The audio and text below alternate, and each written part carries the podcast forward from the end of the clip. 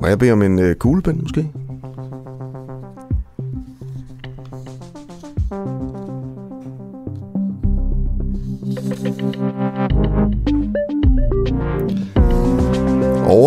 På Rigshospitalet, han oplever altså det her to gange om måneden, siger han altså. Der kommer små drenge ind, der er blevet omskåret og fået skåret forhuden af, og som har problemer med det. Der, der er opstået alvorlige komplikationer to gange om måneden bare på Rigshospitalet. Det sker altså det her, og cirka 2.000 drenge bliver omskåret af religiøse årsager hvert år. Skal det stoppes? Det er jo klart, hvis, hvis det kan være farligt for børnene, så kan det være, hvorfor så ikke stoppe det? Jamen, der er jo det her med sådan traditioner og de kollektive rettigheder. De jødiske samfund og de muslimske samfund har jo nogle sådan nogle, nogle rettigheder, nogle traditioner. Jo, det kan da godt være, at der sker en komplikation en gang imellem, men hvis det er foregået i tusindvis af år, hvad har så egentlig forrang? Du kan skrive til mig her, øh, 1245, skriv en sms, øh, øh, bare skriv DUA først, det er UAH, godmorgen i øvrigt, og tak fordi, at, øh, at du vil være med her. Det her, det er problematisk, det er klart, og det er et svært, det er et svært emne. Derfor er der en kommune, der for første gang gør noget ved det, og det er altså en historie, vi breaker her.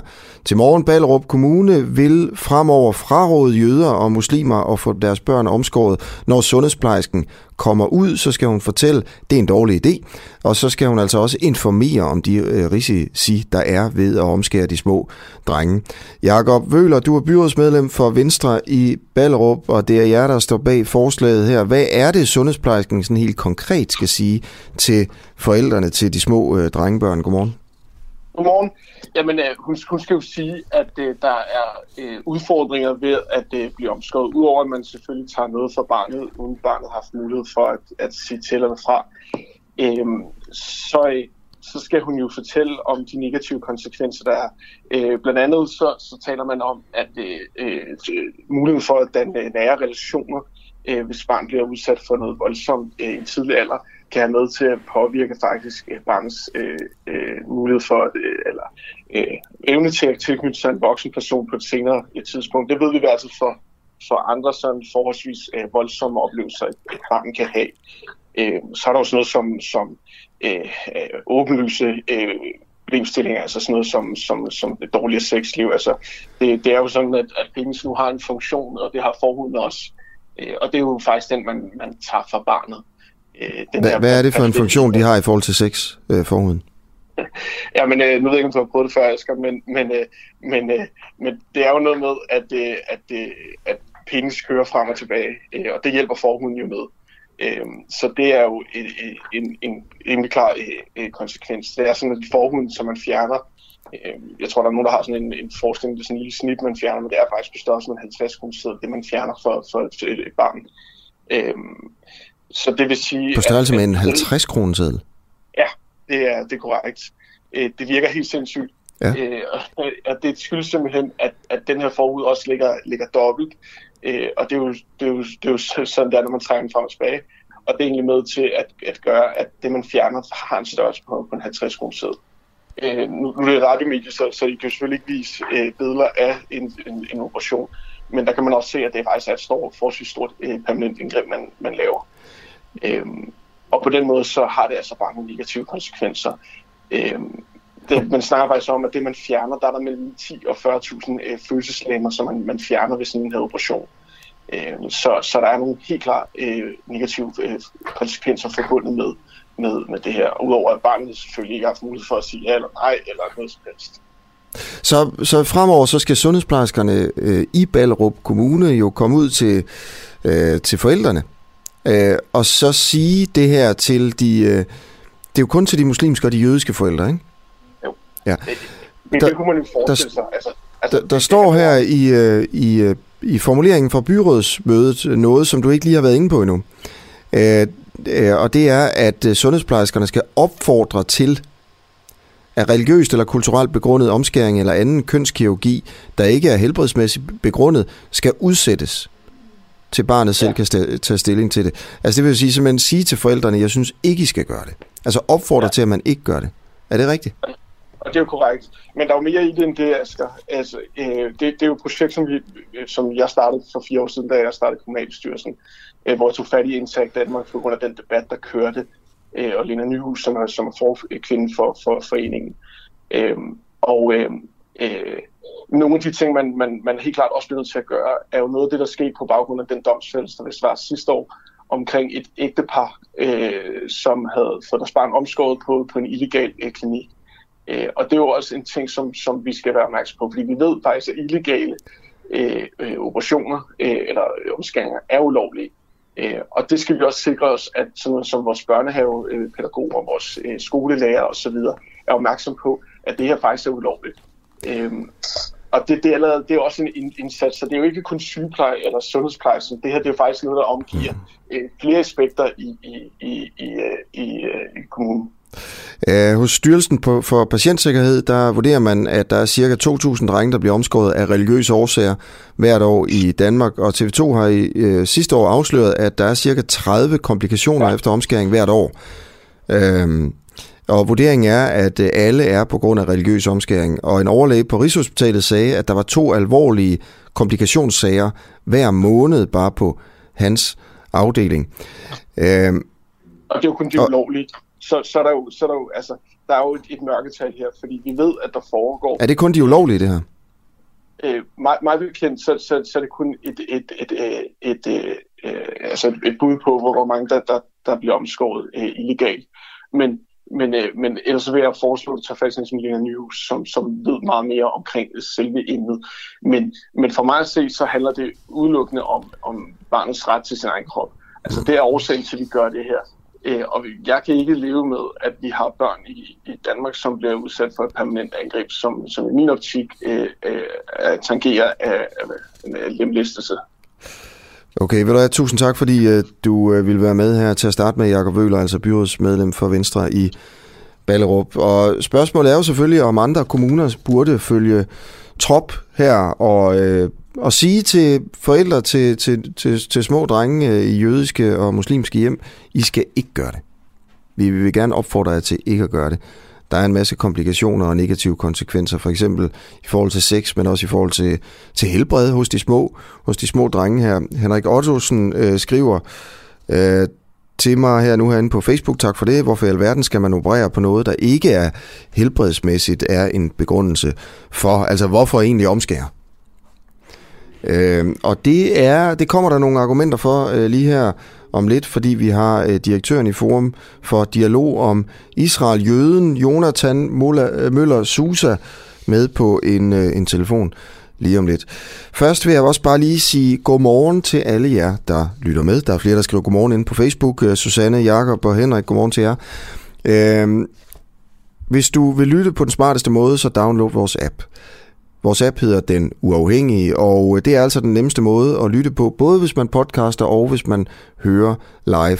Men hvis man gerne vil se mig, og det skal man jo selvfølgelig være velkommen til, det er jo ikke fordi, der sker så forfærdeligt meget.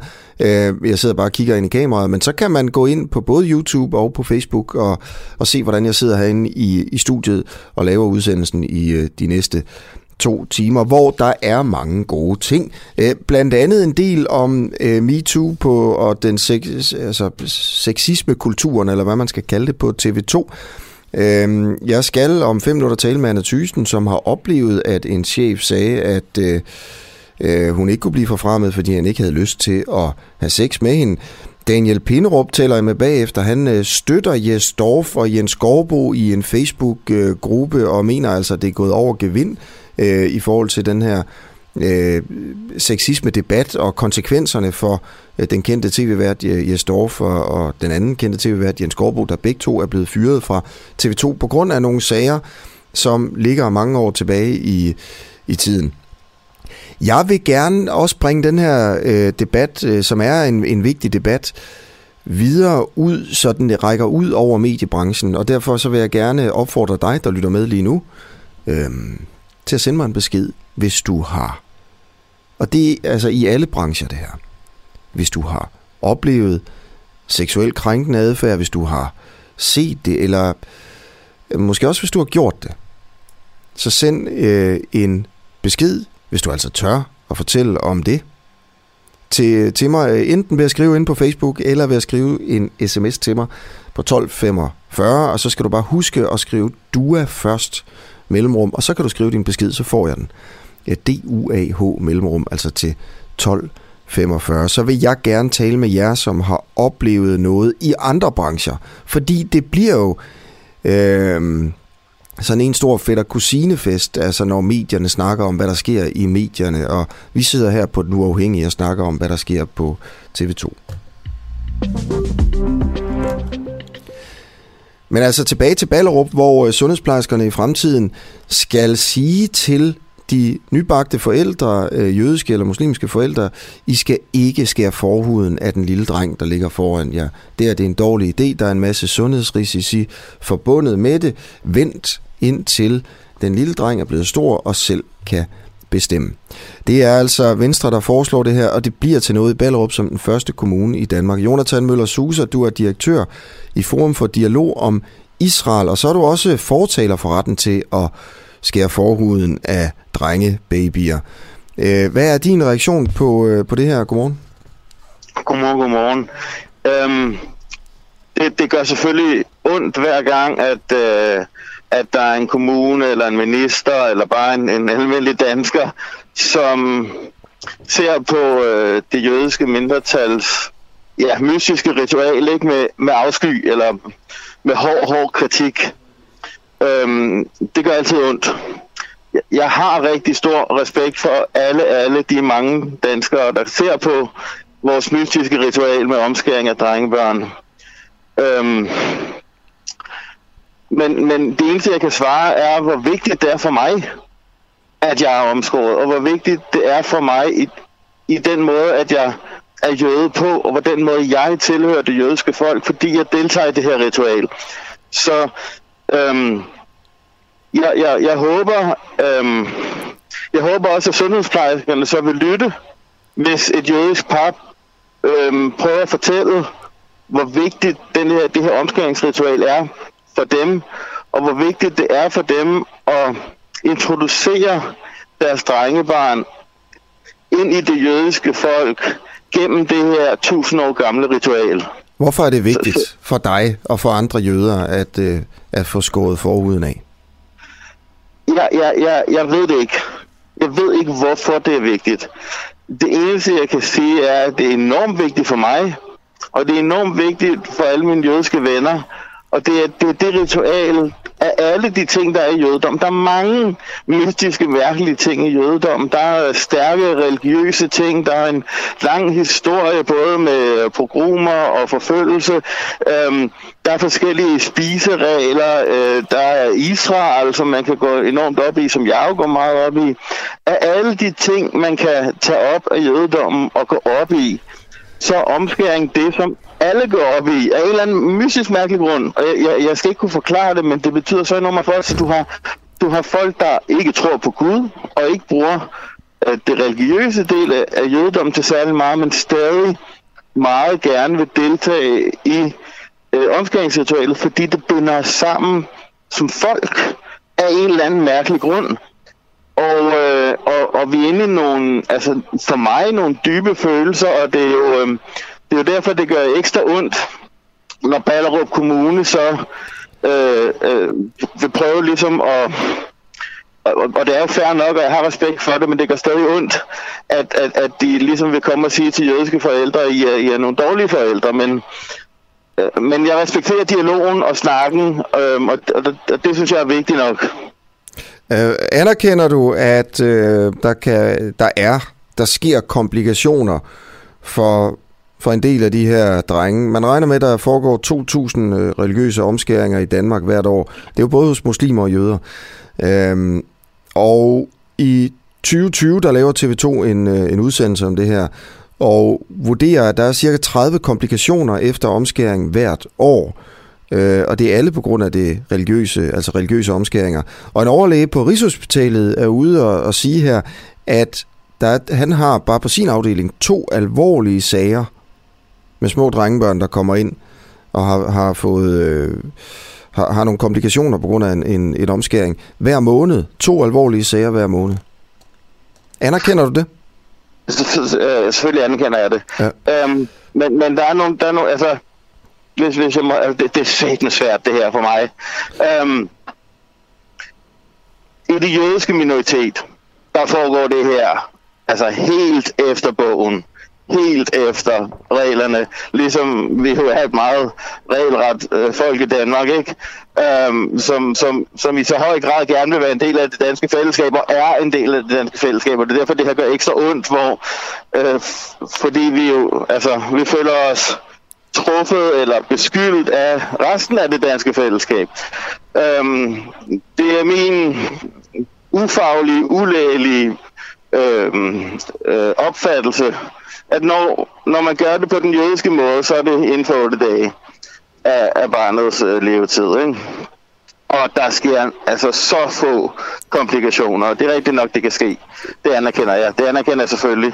Øhm, men, men det er, det er forsvindende få. Siger du, at øh, de komplikationer, der foregår, undskyld Jonathan Møller Susa, det er bare som om, du, du siger, ja, uden rigtigt at sige det, at, øh, at de, de komplikationer, der foregår, foregår i de muslimske miljøer?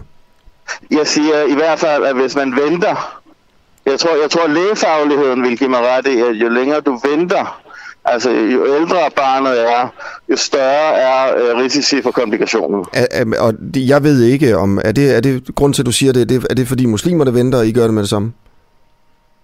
Uh, det er også rigtigt, at... Uh, med at de muslimske mindretal i nogle steder venter længere end, end jøderne. Nå.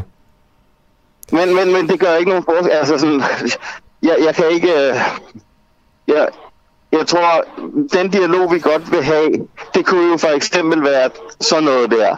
Ikke? Altså, hvis, hvis, hvis, vi, hvis vi kunne komme med nogle kompromiser, ikke? så sundhedsplejersken kunne sige, jamen, øh, øh, nu er du muslim eller jøde.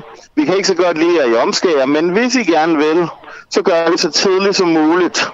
Og med øh, ekstra øh, lægefaglighed, og sørg for, at I gør det fuldstændig efter bogen, fordi det går vi meget op i.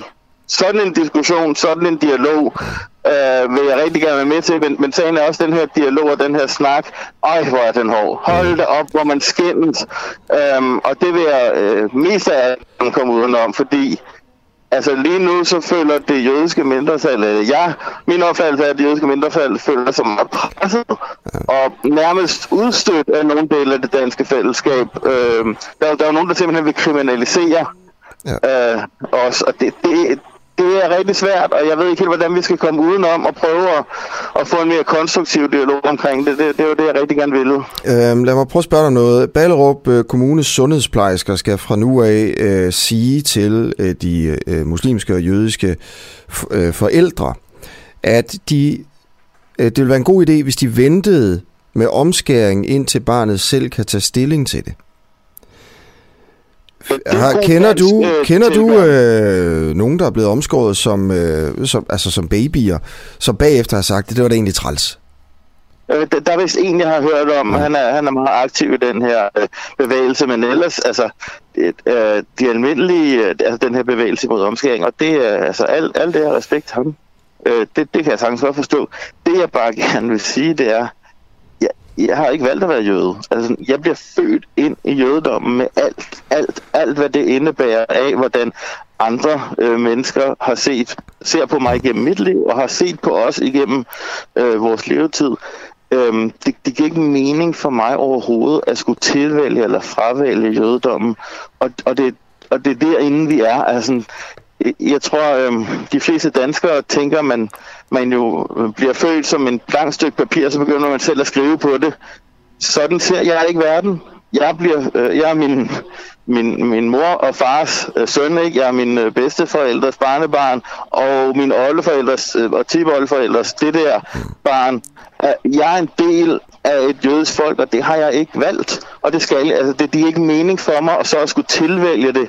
Jeg er født ind i det, og så har jeg, jeg deltager i et ritual, som Abraham har lavet sammen med Gud. Og øh, det, det kan jeg se på, når jeg kigger på min tidsmand. Og øh, det gjorde Abraham også. Lad det være det øh, sidste ord, Jonathan Møller Susa, øh, direktør i Forum for Dialog om Israel. Tak fordi du vil være med. Tusind tak. Ha' det godt. I lige måde. Klokken er 20 minutter over øh, 7, og du lytter til en øh, uafhængig morgen, og tusind tak, fordi du gør det. Øh, Ulrik skriver, hvad med at få lavet omskæringsritualet symbolisk, så det blot laves med, øh, så der blot laves et prik og en dråbe øh, blod, ligesom vores dåb, der er blevet mere rituel end, øh, end, øh, end egentlig, altså en rigtig døbelse, hvor, hvor hele barnet kommer under vand, som det jo var en, øh, en gang. Godt. Øh, jeg vil gerne vende mig tilbage, øh, altså vende mig mod øh, sexisme-sagerne på TV2 endnu en gang, og altså også bare lige opfordre dig, der lytter med lige nu, til at skrive ind til mig med øh, historier om sex, sexikane, også i andre steder end i mediebranchen, fordi det er også tid til at få få gjort det her mere principielt og, og, og generelt, fordi vi ved jo, det sker mange andre steder. Øh, men nu er historien altså TV2. Øh, mandag udkom den længe ventede dokumentar om sexisme på TV2. Flere kvindelige ansatte fortalte forfærdelige historier om øh, krænkelser, som de havde oplevet. Øh, chefer, der havde sex med øh, praktikanter og øh, voldsomme erobringsforsøg og, og voldsom sex. Øh, Anna Thysen, du er chef for Øh, PR-byrået We Do Communication, og du er en af de kvinder, der har stået frem i dokumentaren om sexisme på TV2. Øh, hvad oplevede du? Godmorgen. Godmorgen. Øh, jamen, jeg oplevede jo, altså det har du faktisk fortalt flere gange, der over for dig kan jeg da lige huske. Vi tager den bare igen. Øh, jamen, jeg var arbejdet på TV2 i deres udviklingsafdeling, og var til julefrokost, og øh, på vej hjem, der i, i bussen, der var sådan nogle busser, der kørte ud fra Nordhavn, i Køb, altså ind til Rådhuspladsen i København, man havde lejet. Der sidder jeg, hvis kommer jeg til, sætter jeg mig siden af Michael Dyrby, der var en tom plads, jeg kendte ham ikke, vidste hvem han var. Øhm, og vi taler bare lige sådan kort hej og god, god julefrokost og sådan noget. Jeg er ikke fuld, han virker heller ikke til at være det overhovedet. Og så går der, til, der går et tid, så siger han, hvad vil du egentlig? Sådan, på TV2. Og så siger jeg, hvad, hvad mener du, hvad jeg egentlig vil? Altså, jeg var ikke sådan spurgt ind på karrieresnak der klokken 1 om natten. Så jeg sagde, ja, hvad er dine ambitioner? Vil du noget? Så sagde jeg, ja, det, det vil jeg da gerne. Så, så altså, jeg er jo, jeg er jo, har jo kommer der fra en ret fed stillinger, og så har jeg været igennem den der PFA-skandale, som du måske har hørt om, havde han jo nok siden han var nyhedschef. Ikke? Men øh, nu er jeg sådan back in business, så det tror jeg, det vil jeg da gerne. Og så siger han til mig, du bliver aldrig til noget på TV2. Og så vender jeg mig sådan rundt i den bus og kigger på ham og siger, øh, hvorfor ikke? Og så siger han sådan helt stille og roligt, fordi du er for gammel, fordi du er for rapkæftet, og fordi jeg ikke vil knæppe dig. Den her historie... Og... Øh, ja, undskyld, Anna. Ja. Nej, jeg vil bare lige sige, det er 14 år siden det her, og, og som du også siger, så har du fortalt den øh, før. Øh, også mm. blandt andet øh, her på Den Uafhængige for måske et ja. års tid siden, eller noget af den stil. Men, men der er en ny ting jo. Du fortæller den på en anden måde, end du gjorde sidste gang, du var på. Og hvad er det nye på den måde, du fortæller den her? Jeg tror ikke, der er noget nyt andet, end jeg siger navnet. Det er det? Jeg siger navnet på, på den person, og det har jeg ikke gjort før. Men det vælger jeg at gøre, fordi, øhm, fordi jeg ser øh, de her tre, øh, eller tre programmer øh, på Discovery i mandags. Og der ser jeg både, øh, det er sådan lagt ind som sådan en, en skriftlig udtalelse fra Michael Dyrby. Han er vel spurgt i egenskab af tidligere nyhedsdirektør, øh, ikke som øh, potentielt, hvad skal man sige, øh, øh, medvirken i, i øh, altså som et, en krænker eller en krænket. Men han udtaler, at han ikke har været vidne om om hvad er det, der skete dengang, og at han er rigtig ked af det, at det vi har oplevet på den der sådan, uha, det hører jeg om nu her, nu ser jeg måske endda, jeg har fået forelagt noget her, hvad, øh, det, må jeg, det må jeg jo lige forholde mig til, og jeg er virkelig ked af, at de her kvinder har været igennem, men jeg har ikke været en del af det, jeg er en del af ledelsen, men jeg har ikke været en del af, af det, der er foregået, og det bliver jeg ret provokeret over. Jeg har jeg har jo ikke sagt hans navn før, og har ikke synes det var så relevant, fordi det var, jeg synes, jeg havde en lille sag. Det var ikke sådan en, en kæmpe sag, hvor jeg havde så meget på spil som så mange andre. Så jeg har mere, jeg har så fortalt min historie for at fortælle om, hvordan kulturen var. Fordi det, det er jo ikke noget, jeg blev bange for. Det er jo mere sådan, altså det der in your face, at han bare synes, han kan tillade sig at sige til en, en jeg er 42 år gammel, ikke? Altså, at, at du bliver ikke til noget på TV2, fordi jeg ikke vil knæppe mig, knep mig, knep dig. Det er sådan en kæmpe statement, som, og, og, og, og jeg ser det jo, som, fordi jeg, har jo, jeg, jeg opdager jo med det samme, da jeg går ind ad døren i TV2, at der er en virkelig sexistisk stemme. Jeg tror ikke, eller jeg ved, at jeg ikke kaldte den sexistisk. Det gjorde vi slet ikke dengang. Ubehagelig, rå, og så sådan med seksuelle undertoner hele tiden. Hvem har knæppet med hvem, og alle, altså kvinder, altså selvfølgelig havde man masser af kvinder, man kunne sådan tale med, men der var ligesom delt op i, der var bare nogen, man ikke talte med, og dem kunne man bare, dem sad kvinder bare og sagde, hende der, hun har knæppet sig til, til, den, øh, til det værtsjob og sådan noget. Jeg var målløs. Og derfor bliver jeg selvfølgelig ekstremt provokeret, da jeg, da jeg, da jeg ser en mand, altså, og han siger det også i BT og uh, der i mandag, at han slet ikke har noget med det at gøre. I det hele taget bliver jeg ekstremt provokeret af alle de chefer, der har været på den station, der ikke kender noget til den her kultur, og at der, øh, man har i dokumentaren talt med over 150 mennesker, der bekræfter det. Jeg var der som en eller anden lille udviklingsmus i et år og mærkede det day one, men alle chefer har ikke mærket noget. Og det kan godt være, at det bliver sådan lidt øh, øh, indspist med medier, men jeg tror simpelthen ikke, I havde lavet en virksomhed, øh, øh, en almindelig virksomhed, slippe så let med ikke at konfrontere den administrerende direktør. Og jeg bliver simpelthen provokeret der i mandags og siger nej, fandme nej, nu har han selv bedt om det. Ja. Og det er altså Michael Dyrby, du så sætter navn på ja. øh, over for, for Ekstrabladet. Øhm, og øh, gør du det i mandags, siger du? Ja. ja. Øhm, og han er jo nu øh, chefredaktør på BT og har en masse personaleansvar. Og spørgsmålet er jo her, om han kan fortsætte som chef for, for, for BT, øh, synes jeg i hvert fald. Øh, nu her, når det er kommet frem, og man ved, at han har en fortid som, som chef på TV2, hvor alt det her øh, foregik. Og jeg vil bare sige, hvis, hvis, hvis, til jer, der lytter med, hvis I ikke har set dokumentaren endnu, så gå ind og se den, fordi øh, så synes jeg i hvert fald, man holder lidt op med at tale om, var det også så slemt og sådan noget. Øh, det var i hvert fald den oplevelse, jeg havde, da jeg, øh, da jeg, da jeg så den. Men... Øh, kan han, synes du, at han, han skal have lov til at fortsætte med at have, med at have en masse personalansvar? Jeg har ikke noget. Jeg har, jeg, det har jeg ikke nogen holdning til. Okay. Det, det er, altså, der er nogle spørgsmål, som er, som er sådan lidt mærkelige. Altså for eksempel, i, ud, nu har jeg jo, rådgiver jeg jo en masse virksomheder, der vil man jo ikke, jeg ved ikke, om man vil spørge de her, undskyld, jeg siger det, krænkede, om hvad de synes om, om det. Altså jeg, jeg, jeg skal ikke stille mig til dommer, og jeg kan se, at øh, Anders Krab Johansen har været ude at sige, at han har fuld tillid til ham, og det er fint. Sådan må det jo være. Jeg, hvis, man, hvis det er sådan, hvis det er sådan, det kører, så skal man da, jeg er da ligeglad. Jeg, jeg er da fuldstændig ligeglad med, hvem der er chefredaktør på BT. Jeg bliver bare provokeret, men jeg bliver også, jeg bliver også sådan, altså, man tror jo ikke på mig. Og det er til trods for, at Hvem tror ikke på dig? går, Jamen, så kan man jo høre, at hvis det er rigtigt, det Anna Thyssen har sagt, hvis og hvis, og ja, og det kan jeg godt høre, eller det kan jeg læse, hun har skrevet, men det er jo ikke noget, altså, der er masser, der skriver, hvis det står til trone. Og så sent som i går er der en, en veninde, som jeg slet ikke taler med mere, som boede i München øh, tilbage i 2007, hvor det her jo sker. Og hun skriver sådan lidt, hun, har, hun skriver til mig, prøv at høre Anna, du ringer til mig, jeg bor nede i München, du er fuldstændig chokeret over det, og, og fortæller mig, hvad der sker. Og, og jeg kan huske at til i dag, det er 14 år siden, jeg kan huske, du ringede og fortalte, hvad den der chef havde sagt til dig, fordi det var så grænseoverskridende. Det var altså ikke sådan noget hverdagskost for mig eller nogen, heller ikke i 2007. Og nu skal jeg så læse på, at, at læse, at folk skriver, ja, hvis det er rigtigt. Jeg har øh, øh Discovery og, og Impact TV, de har forelagt det her for flere af mine øh, tidligere kolleger, og de bekræfter på, på række, at det var det, jeg oplevede, det var det, jeg fortalte om mandagen, og, og det vil så sige, at vi har en mand, der åbenbart lyver, altså, eller, eller han siger ikke, at han ikke kan huske, at han har sagt det. Han siger, at det kan han ikke have sagt, for det var upassende. Ja. Og når man ser den dokumentar, så, så er der jo ikke noget i den dokumentar, i de tre timer der, der ikke er upassende. Og der er ikke en kæft, der står ved det derude.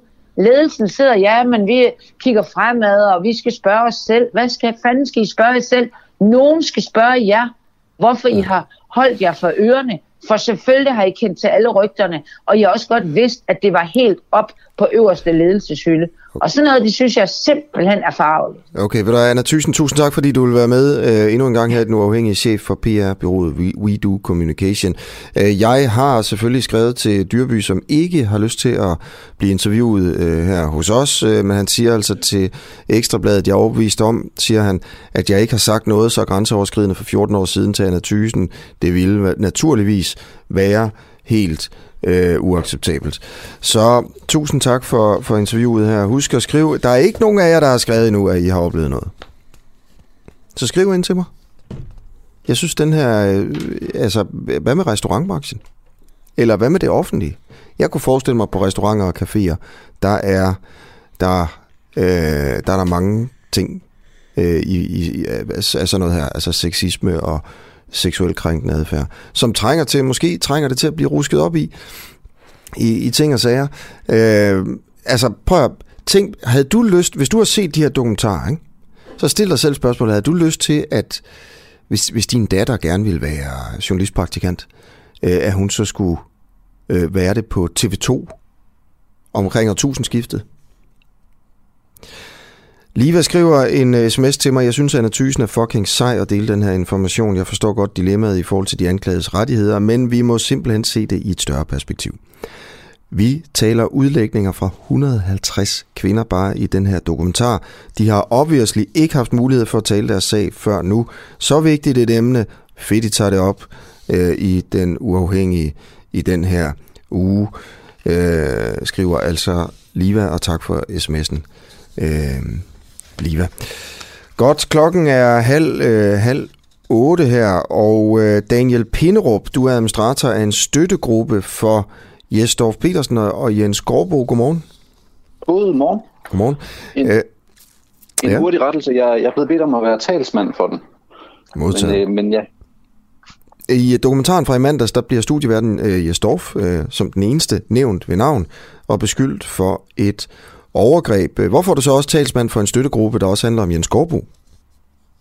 Det var øh, udgangspunktet, at, at det var de to herrer øh, begge, som var, øh, som var dem, man støttede op om i den gruppe. Og øhm, så sidenhen så har Jens Gårdbo ligesom trukket sig lidt fra, fra mediebilledet, og så øh, blev det til blot at være Jes Dorf Petersen. Mm. Øh, har du set øh, dokumentarerne? Ja, jeg har så. Ja. Hvordan vil du have det med, hvis, hvis din datter, nu ved jeg ikke, om du har børn, øh, havde lyst til at være praktikant på TV2 øh, for 20 år siden? Jeg vil, øh, dengang som i dag, så vil jeg anbefale at finde et, øh, et sted, som nok emmede lidt mere af professionel tilgang til tingene. Altså det her, det er lige så øh, uprofessionelt, det vi ser i dag i håndtering af de gamle sexisme-sager, som, øh, som det man hører om dengang. Hvad var galt øh, med, øh, med, med den måde, som øh, sådan en som Jes Dorf, eller, eller de chefer, som vi jo ikke ved, hvem er, øh, på TV2, altså den måde, de behandlede de kvindelige øh, praktikanter på. Hvad mener du var forkert ved, ved den måde, de gjorde det på? Altså udover, de knaldede dem. Det, jeg synes, var det, det forkert var, at have sex med dem der? Dengang var det det ikke. Øh, dengang måtte man godt. Og øh, sådan som jeg forstår det, så havde man dengang en, en, øh, et regelsæt i TV2 om, at det måtte man gerne. Men jeg mener synes, du, det var forkert, eller mener du, det var okay? Jeg mener, at det er dårlig ledelse at, øh, at knalde sine praktikanter. Okay. Øh, men, øh, men dengang, der, der synes man, det var okay på TV2. Og så er det svært at sanktionere imod. Øhm, specielt 20 år senere. Ikke? Altså, jeg, jeg synes lidt, øh, nu kommer jeg selv fra en militær baggrund, og jeg synes, at den her adage med, at man ikke skal dømme en, en operation fra en lænestol, øh, den øh, finder anvendelse. Altså, vi står 20 år senere og, øh, og dømmer for noget, som Ja, altså helt sikkert, det var, mm. det var sgu da noget slendrian, det var pisse uprofessionelt. Mm. Hvad, hvad, var så, hvad er sådan de familielige omstændigheder ved det der?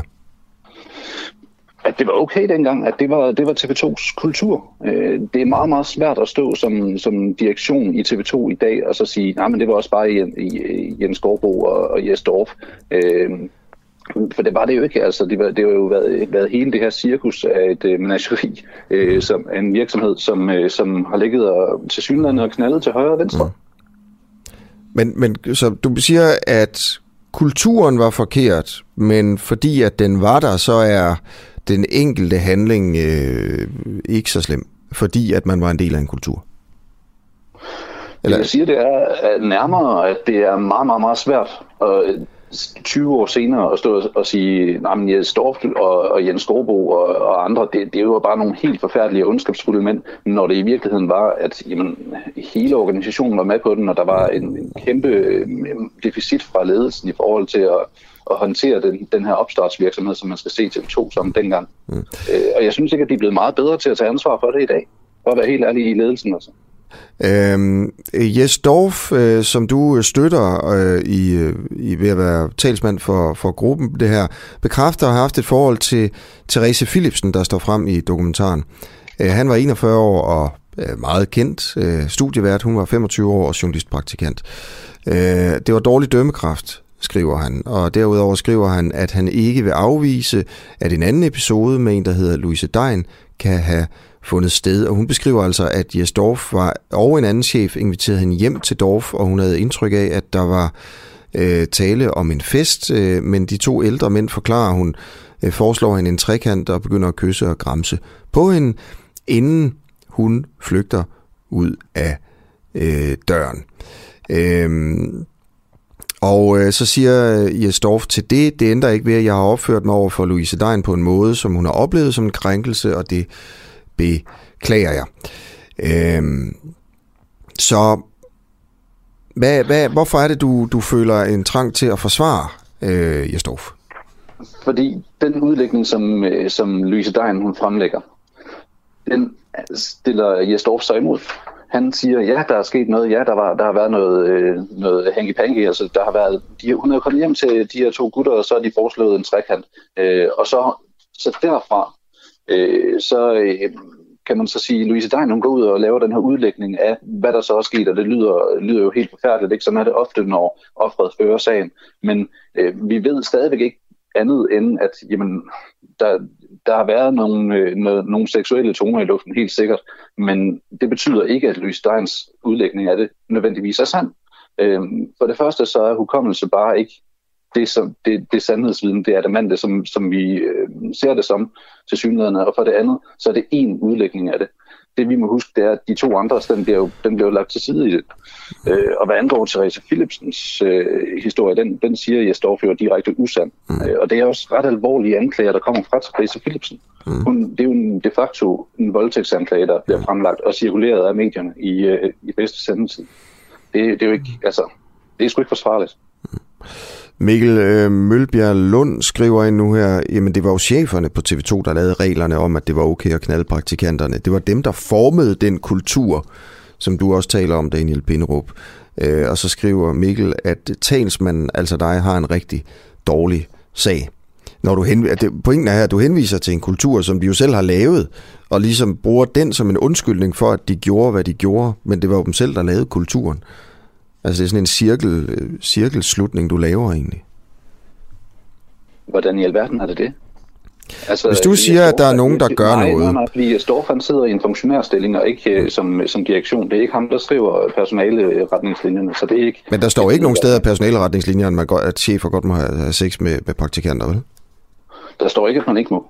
Jeg, jeg, altså, jeg forsvarer ikke, at, jeg forsvarer ikke, at man, øh, at man øh, ligger og knaller praktikanter. Det, det står der ingen steder. At, at, så mener du, at du, det, det er en formidlende omstændighed, at det ikke stod i personalehåndbogen, at øh, altså det her med, om, om chefer måtte have sex med praktikanter? Nej, men jeg synes, vi skal stille målstolperne der, hvor de hører til. Altså, vi sidder og, og dømmer på en sag for 20 år siden, hvor der er sket en masse rigtig uprofessionelt klamp, øh, og det sporer helt sikkert tilbage til ledelsen. Det tror jeg også, at de fleste er enige om, at ledelsen har et problem, og det var et kulturproblem. Det er det, vi bliver ved med at høre om igen og igen og igen og igen. Mm. Så vi bliver også nødt til at forholde os til det på den måde.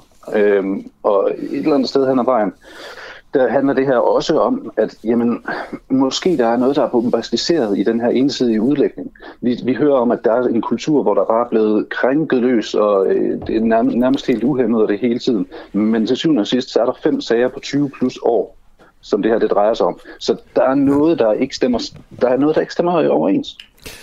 Tusind tak, fordi uh, du vil være med i, i radioen og, og fortælle, hvorfor du uh, altså støtter Jes Dorf og Jens Gårdbo i, i sagen her, og mener også, ja, og hvorfor du mener, det er, det er nødvendigt. Okay, klokken den er 20 minutter i Ås. Der er piratjagt. Øh, vi skal på lige om, øh, om lidt. Det glæder jeg mig rigtig meget til for at øh, finde ud af. Altså, vi skal lige prøve at undersøge, om, om, om de danske soldater og frømandskorpset øh, har, har, har gjort det ordentligt.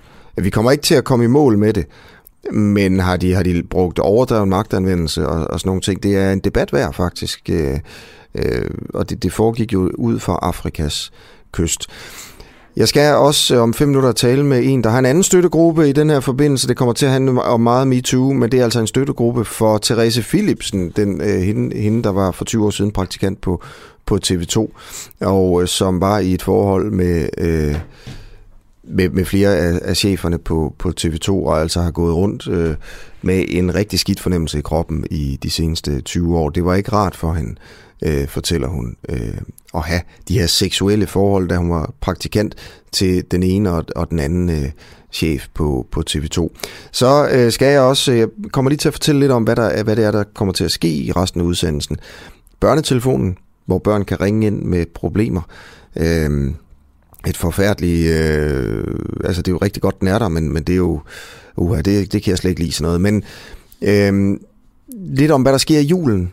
Nu er det 1. december i øvrigt, og god jul øh, til alle jer, der lytter med. Øh, I julen, der kommer der mange opkald. Hvad er det, børn ringer ind om i, øh, i julen? Og så glæder jeg mig til en historie, hvor vi skal tale med en anklager fra Svendborg af. Øh, det er Anders Dahl, som har haft en sag, han har vundet. Det er en mand, der havde en legetøjspistol, og fordi han troede, og det, det, er en, det er en sand historie der, fordi han troede, den fynske mand på 25 år, at legetøjspistolen var en rigtig pistol, så blev han dømt i retten.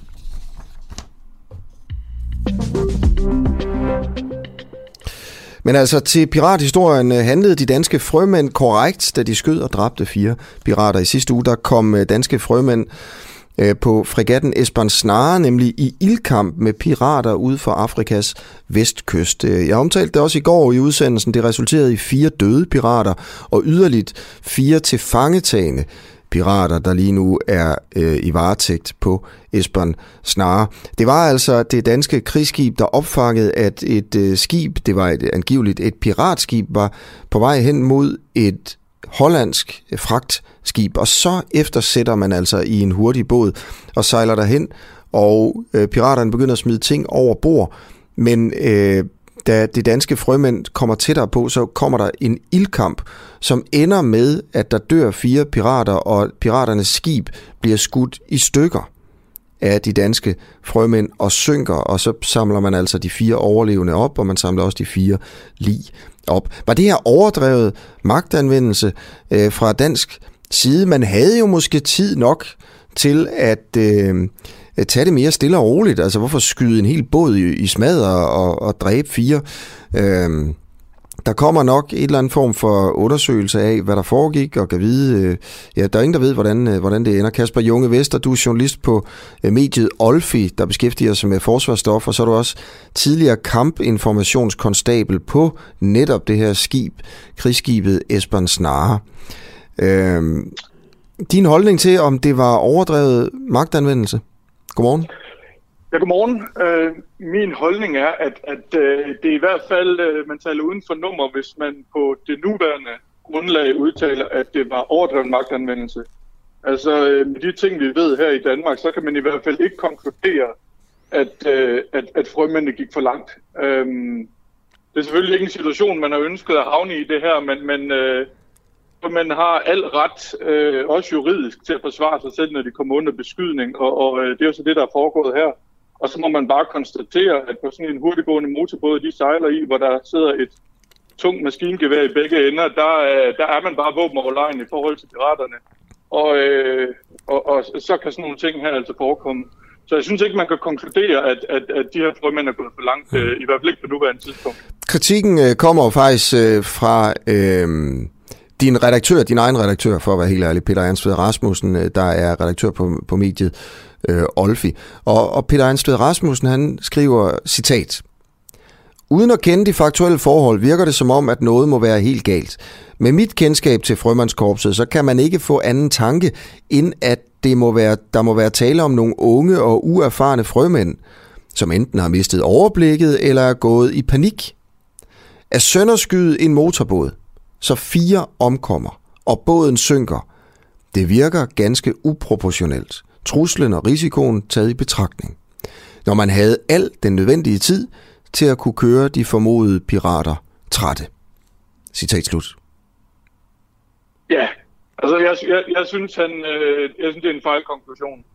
Øh, det, det synes jeg simpelthen, det er, og det, det har jeg så også skrevet i mit eget, øh, min egen kommentar på Olfi. Altså det kan man simpelthen ikke konkludere. Øhm, det her med at, at, at konkludere, at der er tale om unge og uerfarne frømænd, som sådan er lovligt friske på aftrækken, det, det synes jeg simpelthen ikke, øh, at vi kan udtale os om på nuværende tidspunkt. Det kan være, at det viser sig at være tilfældet, men det må auditørkorpsets undersøgelse klarlægge. Altså det vi ved, det er, at de kommer under beskydning efter at først have anråbt de her pirater, både over radio, men også øh, ude, i, ude i virkeligheden, kan man sige. Øh, så skyder man først nogle øh, varselsskud i nærheden af båden, og siden så overgår man til sigtet varselsskud mod, øh, mod motoren på, på den her formodede piratbåd. Så skyder piraterne igen, og så er det jo altså i den, sammen i den situation, at man som frømand er våbenoverlegen, og så skal man selvfølgelig udnytte den våbenoverlegenhed, bruge sin TMG, og så få stoppet det her angreb hurtigt som muligt, så man ikke selv kommer til skade, fordi man kan som frømand ikke gemme sig ombord på en rib, altså det er den her hurtiggående motorbåd. Der er ikke noget sted at gå i dækning, det vil sige, at den mulighed, man har for at reagere, jamen det er at skyde igen, og det skal selvfølgelig foregå på en måde, så angrebet stoppet, bliver stoppet hurtigst muligt. Øh, du var personligt med øh, sidste gang danske soldater de øh, tog sørøvere eller pirater til fange. Øh, vil du fortælle om den aktion? Ja, det vil jeg gerne. Altså, den var noget mindre dramatisk. Øh, det var over på østsiden. Vi lå ud for Tanzanias kyst et godt stykke ude i det indiske ocean.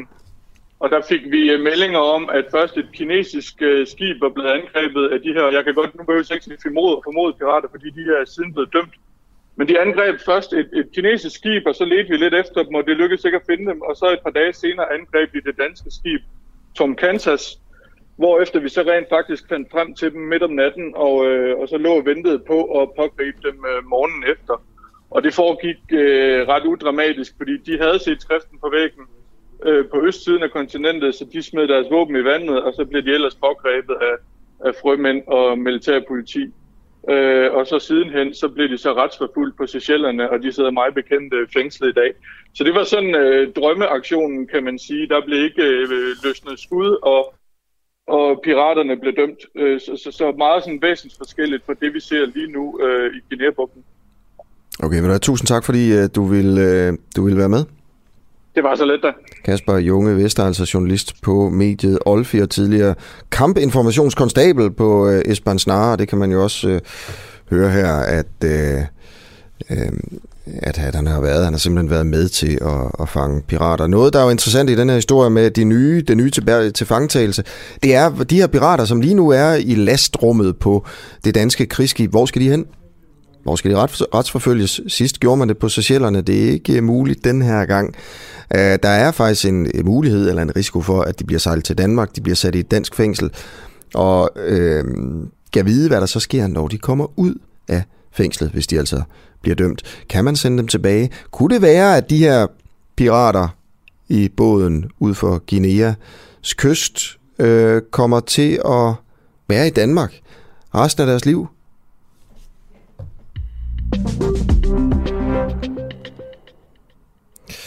Hver eftermiddag, der øh, har vi et program, der starter klokken 4.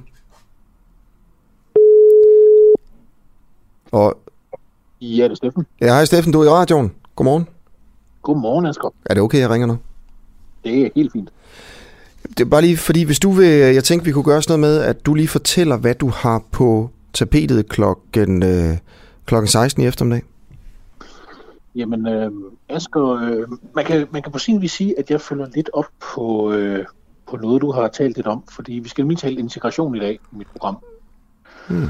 Og øh, nu har du lige haft øh, fat i øh, Rasmus Brygger, fordi at øh, du, du vil have lidt spørge ham omkring øh, hvad hans øh, politiske retning var, eller hvorfor er det, at hans analyser nogle gange falder ud til, til den side, det gør. Mm. Øhm, og det er lidt det, som jeg, jeg vil undersøge i dag i mit program, og, øhm, og det er nemlig det her med, om, om det måske, øh, når man siger, at det er danskerne, der er noget galt med, når man, hvad man kommer en integrationsanalyse af, at, øh, så, så er det måske ikke, øh, at det, det er danskerne, det er galt med. Det er måske, fordi der er nogle problemer i nogle forskellige øh, øh, afdelinger af, hvor integrationen ligesom fejler. Og det var jo øh, det var i går, at jeg interviewede Rasmus Brygger, der, der er direktør i Videnscenter for Integration, Øh, og, og de havde nemlig lavet en, en undersøgelse, der handlede om, at øh, hvor, hvor han ligesom konkluderede, at, jamen, altså, at danskerne øh, troede, at det stod meget værre til med integrationen, end det i virkeligheden gjorde, når, når man så på, på statistikken, og så prøvede jeg at gå lidt øh, kritisk til det og, og spørge ham, hvad ja, han det, egentlig... Det var, jeg synes, det, det, det var, jeg synes, det er et mærkeligt, mærkeligt pseudo-spørgsmål, han egentlig svarer på, fordi, øh, og hvad så, hvis danskerne tror, det er værre, hvis det stadigvæk er slemt. Ja. Men, men så du, dit program, øh, Steffen, hedder Ring, hvis jeg tager fejl. Og du ja. er en, øh, en borgerlig mand øh, med i Liberal Alliance, og øh, hvad er din påstand i dag kl. 16? Jamen det er nok, at øh, integrationen den er slået fejl, øh, og at øh, vi må se det som et eksperiment, som er slået fejl også. Og så er spørgsmålet selvfølgelig, hvad man skal gøre ved det, men øh, generelt så vil jeg egentlig gå efter at sige, at øh, der er noget, der er gået helt galt med det her integrationscirkus, øh, som har kørt de sidste mange år. Okay. Øh, og så kan jeg jo sige, at jeg får en, øh, en gæstvært på i dag. Ja. Det bliver Mikkel Andersson, som er kendt fra Kontrast og Berlingske og Rokokoposten. Okay. Steffen Larsen, øh, tak fordi jeg lige måtte forstyrre dig her til morgen. Jamen, øh, det var slet. Du må have en øh, god dag. I lige måde. Og det er altså klokken 16, at Steffen han er på øh, med sin påstand om, at integrationen er slået fejl. Og der er konceptet så, at hvis du synes, det her det kunne være interessant, og hvis du faktisk mener, at Steffen tager fejl, eller bare godt kunne tænke dig at lytte til, til debatten, så vær der på vores app klokken 16. Øh, og så er konceptet simpelthen, at man ringer direkte ind til Steffen. Der er ikke nogen sluse her. Øh, det er et program, og hvis der ikke er nogen, der ringer ind, hvis Steffen ikke er dygtig nok til at tale for sin sag og øh, opildne til debat, så er der ingen, der ringer. Og så sker der det, at han står der i to timer, uden telefonen ringer. Og så kan man ringe ind på 50 24 50 14.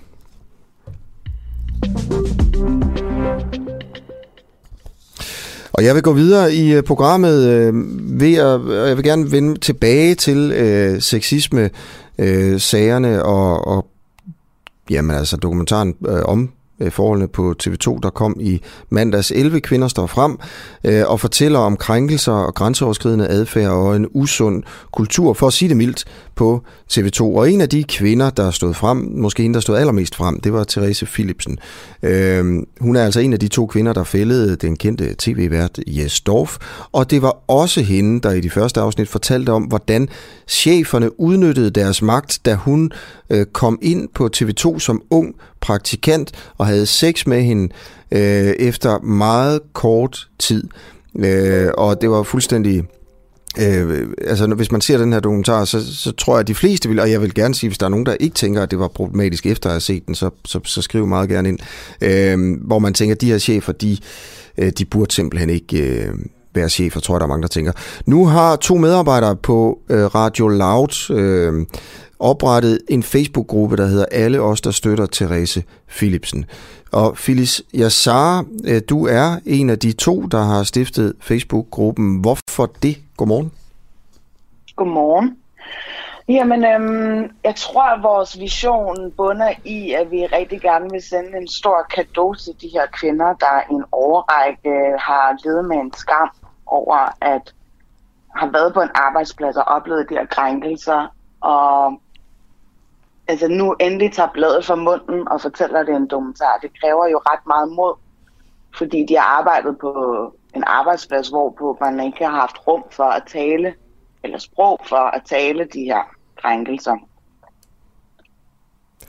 Så og... det er mest af alt for solidaritet, at vi, at vi har oprettet gruppen. Mm. Og så synes vi, at det, altså det, det er jo ret, øh, hvad skal jeg sige, beskæmmende, at der findes en gruppe for Jes Dorf og Jens Grobo. Så, så, så det er jo sådan på Facebook, og der kan man jo mobilisere sig. Øh, og vi synes, det kunne være øh, passende at mobilisere en gruppe til ære for de her kvinder, der står frem. Mm. Og hvorfor er det beskæmmende, at der er nogen, der øh, laver en støttegruppe for øh, Jesdorf Petersen og Jens Gårdbo? Jamen, det synes jeg personligt. Altså, jeg synes, det er mærkeligt, at, øh, at to værker, som har udvist, og så endda også, han, Jens Gårdbo har jo været chef øh, tidligere, at som har udvist decideret dårlig dømmekraft, bliver hyldet på den der måde. Det forstår jeg faktisk ikke, hvorfor de skal. Mm. Men hvordan bliver de hyldet? Det, altså, de bliver vel hyldet, altså, hvis man laver en Facebook-gruppe for at sige, prøv her, vi står bag jer, vi tror på, at det, som I har gjort, er fuldstændig oprigtigt. Øhm, du ved, i den her dokumentar, der, øh, der er det kun Jes Dorf, der bliver nævnt ved navn. Altså som, øh, ja. som en, der har gjort noget konkret. Øh, mener du, at man burde have sat flere navne på øh, de krænkere? Der er jo for eksempel Therese Philipsen i det, i det første afsnit fortæller om, at hun har været praktikant i meget øh, kort tid, før at øh, der er en chef, der indleder et seksuelt forhold, forhold til hende. Og... Øh, Øh, og det bliver mere og mere ubehageligt for hende, det der, det der foregår faktisk. Ikke? Og det er jo altså hendes chef, der gør det. Men vi aner ikke, hvem det er. Vi aner ikke, om vedkommende øh, stadigvæk øh, øh, har ledelsesansvar, for eksempel. Øh, synes du, at der skulle være flere navne? Nej, det synes jeg ikke. Eller, eller altså sådan, det kan jeg ikke rigtig se, hvad der skulle komme godt ud af, som sådan. Altså, de, de personer, som er impliceret i det her, ved jo godt, altså, at, de, at de har begået noget forkert. Øh, det, som er på sin plads nu, det er, at ledelsen ligesom er sit ansvar bevidst og siger, prøv at her, øh, det som skete på TV2 er jo et wake-up call for alle mulige andre arbejdspladser til, hvordan man ikke skal håndtere sådan nogle her personale sager. Så jeg synes, det er helt klart, at ledelsen, der skal gå ud og sige øh, undskyld til de her kvinder, fordi de har jo svigtet dem. Så jeg kan ikke rigtig se, hvad stor en gevinst der er i at øh, pege fingre og sætte navn på, på, på de her ledere som sådan, fordi de ved jo godt, at, at, at de har begået noget forkert. Men jeg synes også, det er sådan lidt damned if you do and damned if you don't, ikke? Mm. Øhm, Okay. Ja. Phyllis Yassar, uh, tusind tak, fordi du var med til en kort bemærkning her. Uh, altså Radio Ja, det er bare det.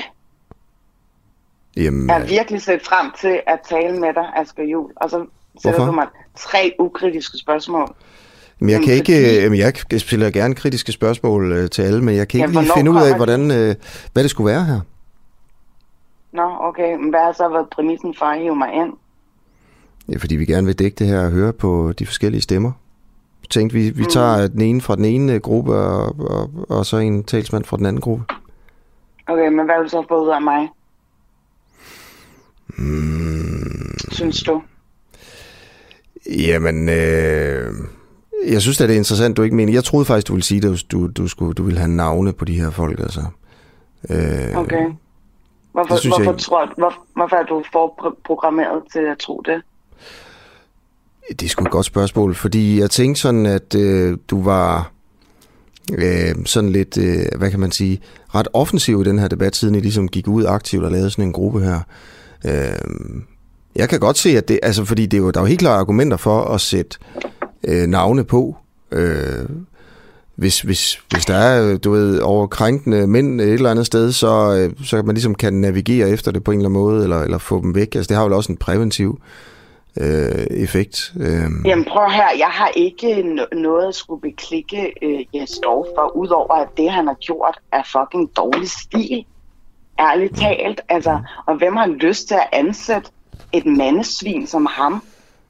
Det, altså, altså, har du lyst til at have Jes Dorf som kollega? Det ved jeg ikke. Men, men altså, det er jo en Mr. News, det er jo en mand, som vi har set i fjernsynet, som vi har haft, alle sammen nærmest har haft et, et ejerskab til, altså forhold til.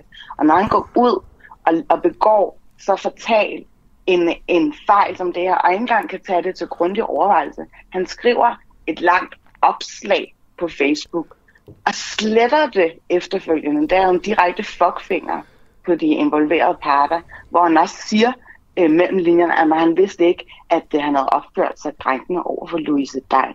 Og jeg synes, det er altså ærgerligt i den her branche, at vi som fjerde statsmagt ikke engang kan skabe rum for bare en lille bitte smule selvrensagelse. Mm. Okay. Ja. Jamen, er det okay, jeg afbryder interviewet nu? Faktisk ikke, men øh, det er bare fordi, at jeg, ja, jeg har meget, øh, jeg har virkelig set frem til at snakke med dig. Jamen, altså, hvad... Jeg har sådan lidt et crush på dig, men altså, den må vi tage, okay. øh, den må vi tage bagefter. Ja, det må vi næsten tage en gang. Øh, men, øh, Og okay. jeg håber, du vil melde dig ind, Asger, fordi at, øh, vi mangler sgu lidt nogle mænd i vores gruppe. Gør I det? Hvorfor er der, øh, er der flest, øh, flest Lige kvinder nu inde? har vi jo altså, ja, over 5.000 øh, på hvad der hedder, tilstrømninger i gruppen, og det er jo rigtig dejligt. Så hvis vi fortsætter kadence, kan det jo godt være, at vi slår selve støttegruppen for Jesdorf. Men øh, vi mangler bare lidt nogle mænd, der også skal stille sig bag de her kvinder. Jeg var overvejet det. Du kan jo, Ja, du kan jo statuere et rigtig godt eksempel. Jeg ved godt, du ikke har nogen kvindelige værter, men det er en anden mm. måde at sige, at det kunne være rart, at, at, at, øh, at, vi, at, at vi faktisk støtter de her kvinder, som har gået med den her skam i så mange år mm. på en dysfunktionel arbejdsplads. ja. Øh, helt klart. Jeg synes, det var altså umiddelbart nu, når du spørger, øh, godt, at sådan en som Therese, ja, det må være svært for hende at stå frem, og jeg synes også, det er flot, hun gør det egentlig. Øh, så det vil jeg gerne... Synes øh, du det? Ja, det synes jeg. Ja, det synes jeg. Okay, der er ikke Er noget, der sindssyg? er ikke noget, som du... Der er ikke noget i hendes troværdighed, som du vil antaste eller beklikke. Det kan jeg ikke lige komme på overhovedet, nej. Det kan jeg ikke. Altså, fordi sådan noget med, øh, det, der, det der var fremme, det er, at hun ville jo også gerne, hun havde jo også et cross på sådan en chef der, ikke? Sådan noget med, med sex og følelser og sådan noget, er jo altid komplekst og aldrig sådan lige efter bogen. Og øh, nej, jeg synes, jeg al ære og respekt for, at hun bare stiller sig frem og fortæller, Mm. øh, fortæller alting. Tak for interviewet, Felicia siger- Sar. Jeg skal videre nu. Det var en meget stor fornøjelse. Okay, det er godt. Hej, og have det rigtig godt. Vært på Radio Loud, altså medstifter stifter af den her Facebook-gruppe, der hedder Alle os, der støtter Therese Philipsen. Og øh, klokken den er blevet 8, og du lytter til øh, en uafhængig morgen. Øh, der sker jo selvfølgelig lidt ting og sager og, øh, sådan rundt omkring i, i nyhedsbilledet, og når klokken er 8, så plejer de fleste radiostationer sådan at have, så kommer der en jingle, og så øh, fortæller man lidt, øh, lidt nyheder. Det gør vi jo ikke på den måde, men til gengæld lover vi hver morgen at fortælle, hvis der sker noget, øh, noget interessant. Og så har vi sådan mange nyheder, hvis der, er, hvis der er mange nyheder, og hvis der ikke sker særlig meget, så fortæller vi øh, ikke særlig meget. Men vi lover, at man går ikke glip af nogle store ting, hvis man altså vælger at lytte til os om morgenen, i stedet for at lytte til P1 eller Radio 4 eller Radio Loud eller, eller andre steder, hvor øh, man har mange flere penge og altså kan lave deciderede nyhedsudsendelser. Der var i øvrigt en gang, har jeg fået at vide, hvor BBC, og det var engang i 30'erne, simpelthen øh, valgte at sige, øh, i dag på det her tidspunkt er der ikke nyheder, fordi der er faktisk ikke rigtig sket noget vigtigt. Men sådan er det jo aldrig. Der er jo altid øh, fem minutters vigtige nyheder, uanset om der sker noget eller ikke sker noget på de fleste radiostationer. Men sådan er det altså ikke her. Øh, Trods alt er der noget, og jeg vil lige prøve at læse, hvad øh, medierne beskæftiger sig med her til morgen. Fagbevægelse går ikke ind for særskilt lønstigning til sygeplejersker. Øh, øh, der er altså øh, Jyllandsposten ude med en historie her. Regeringen er med en, øh, øh, en pose akut penge villige til at hjælpe de hospitaler, som i øjeblikket er presset på grund af coronavirus og utilfredshed blandt sygeplejerskerne. Det er dog en farlig vej at gå nedad, siger fagbevægelsen. Udvalgte faggrupper bør ikke vælges ud på den måde, men i stedet bør der gives lønstigninger til alle sygehusansatte, som arbejder mere. Det siger Lisette Rigsgaard, der er formand for fagbevægelsens hovedorganisation til historien om, at regeringen er ude med en pose penge til hospitalerne. Øh, tre personer er dræbt i et amerikansk skoleskyderi. Det er også kommet frem her til morgen. Det er Associated Press, der skriver det. Tre studerende er dræbt. Seks personer er såret efter et øh, skoleskyderi i Michigan, USA. Og en 15-årig dreng er anholdt og mistænkt for at stå bag. Øh, det er jo altid øh, fuldstændig skrækkeligt, øh, når sådan noget sker her. Politiet indfører krav om coronapas for ansatte, og det kan øh, faktisk øh, føre til fyringer, sådan i yderste konsekvens. Er også en historie her til morgen, og det er den sidste, jeg lige fortæller. Et stigende antal offentlige arbejdspladser stiller nu krav til deres ansatte om at kunne fremvise et gyldigt coronapas, men fra på mandag så slutter politiet sig altså også til dem, og politifolk landet over vil derfor skulle forberede sig på ugenlige stikprøvekontroller, og øh, fagforeningens formand, altså politiforbundets formand, Heino Kiel, han fortæller, at det kan have ansættelsesretlige konsekvenser, hvis politifolk fra næste uge ikke kan vise et gyldigt coronapas. Og det kan altså øh, være, at man kan få en rettelsættelse, en bøde, eller man kan faktisk også blive fyret i sidste instans. Øh, han mener dog, at det er lidt øh, teoretisk, at det skulle ske, men man ved jo aldrig, siger fagforeningsformanden.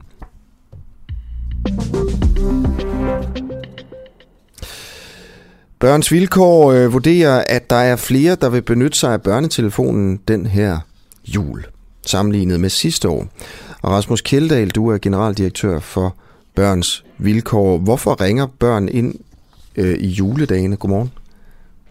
Ja, godmorgen. Øh, jamen, børn ringer jo øh, i juledagen af mange forskellige årsager, men der er øget pres på i julen. Øh, der er, øh, kan man sige, mange børn, som er mere hjemme. Øh, familier, som ikke er øh, måske så velfungerende, det vil sige pausen inde i skolen eller klubben, øh, den er der ikke. Øh, der er ofte mere alkohol øh, på spil i juledagene.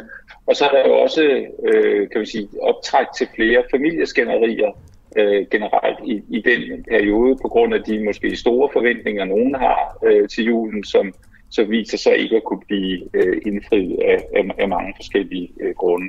I år er der så måske ovenikøbet i øh, det her med øh, corona og vacciner, som øh, vi ved skaber konflikter, øh, både hjemme, men, men jo også på, på børns øh, institutioner, hvor, hvor, hvor der kan være noget øh, mobning, øh, alt efter om man er vaccineret øh, eller ej. Så, så det er en mere kompleks jul, øh, vi går ind i mm. for, for, for de børn og unge, som i forvejen er udsat, så vi, vi forventer og bemander efter, at der kommer flere opkald. Øhm, hvad, kan du prøve at give et eksempel på sådan et øh, juleopkald? Ja, men der er øh, mange øh, eksempler. Jeg selv husker øh, for nogle år siden, hvor jeg var, øh, hvor, hvor jeg selv var øh, juleaften på, på børnetelefonen, hvor et, øh, et barn øh, ringede ind og fortalte, at forældrene havde været op og skændes, og øh, den ene forælder havde nu smidt alle øh, julegaverne væk øh, og smidt maden i skraldespanden og havde forladt øh, hjemmet. Og så sad øh, vedkommende der sammen med sin søster og skulle ligesom finde ud af, hvordan får vi noget godt ud af den her øh, juleaften. Øh, det er sådan nogle øh, historier, som vi desværre har en del af i, i julen, hvor det altså bryder fuldstændig sammen, og hvor, hvor et barn står der med sin, sin juleforventninger, som så øh, bliver mødt af det stik modsatte. Er det fordi forældrene er fulde også? Ja, der er jo tit alkohol i. Øh, det er jo sådan en, en festlig tid, som man siger, og for nogen så øh, er den øh, festlighed forbundet med, at man, man øger måske i, i de forvejen for stort alkoholforbrug. Hmm. Okay. Øhm, og så du regner med, at der bliver flere opkald af den her, den her slags øh, her, her til jul. Hvornår starter de sådan julerelaterede opkald? Er det mest juleaften egentlig? Eller er, det også, øh, er, der, er der også noget særligt i juledagene egentlig? Ja, altså det, det er sådan i, i juledagene, hvor vi, hvor vi tit kan se, at det sådan er, er, er, er, er ekstra svært, og, øh, og hvad vi i hvert fald sidste år så en stigning i forhold til tidligere. Øh, det var nok også knyttet til, øh, til coronaen, som jeg nævnte lige før, og nedlukningerne. Øh, fordi vi ved, at, øh, at de nedlukninger, det har, har også nogle langtidseffekter i forhold til, om børn føler sig som en del af et, et fællesskab, eller om de føler sig efterladt øh, alene derhjemme. Og endelig så vil jeg sige, at i år er der jo det helt særlige, øh, at vi fra 1. november holder døgn åbent på børnetelefonen, øh, så hvor man før har, har er blevet mødt af en, af en telefonsvar, hvor man, hvis man ringer om natten, jamen, så kan man altså få fat i en voksen øh, hele, hele døgnet rundt, og, og vel at mærke også en voksen, som har mulighed for at hjælpe en, hvis man er i en kritisk situation. Ja, jeg kan huske, at jeg interviewede jer faktisk da, den første dag, da I gjorde det. Øh, hvordan er det gået? Er der nogen, der ringer ind om natten? Jamen, det, det kan du så, øh, der er. Øh, der er, øh, der er noget at lave øh, hele tiden. Man kan, man kan jo sige desværre, men det er jo godt, vi, vi er der. Øh, og, og faktisk meget i, i lighed med, hvad vi havde forventet, er der en, øh, en stor andel af, af, af, af svære samtaler, og når vi siger svære samtaler, så er det altså, hvor, hvor barnet egentlig befinder sig i en kritisk øh, tilstand, og nogle gange har vi også været nødt til at sørge for, at der kommer hjælp, øh, hjælp frem til barnet mm. i form af, af ambulance eller, eller, eller andre myndigheder, som for at få barnet bragt i sikkerhed. Hvordan øh, kritisk øh, tilstand?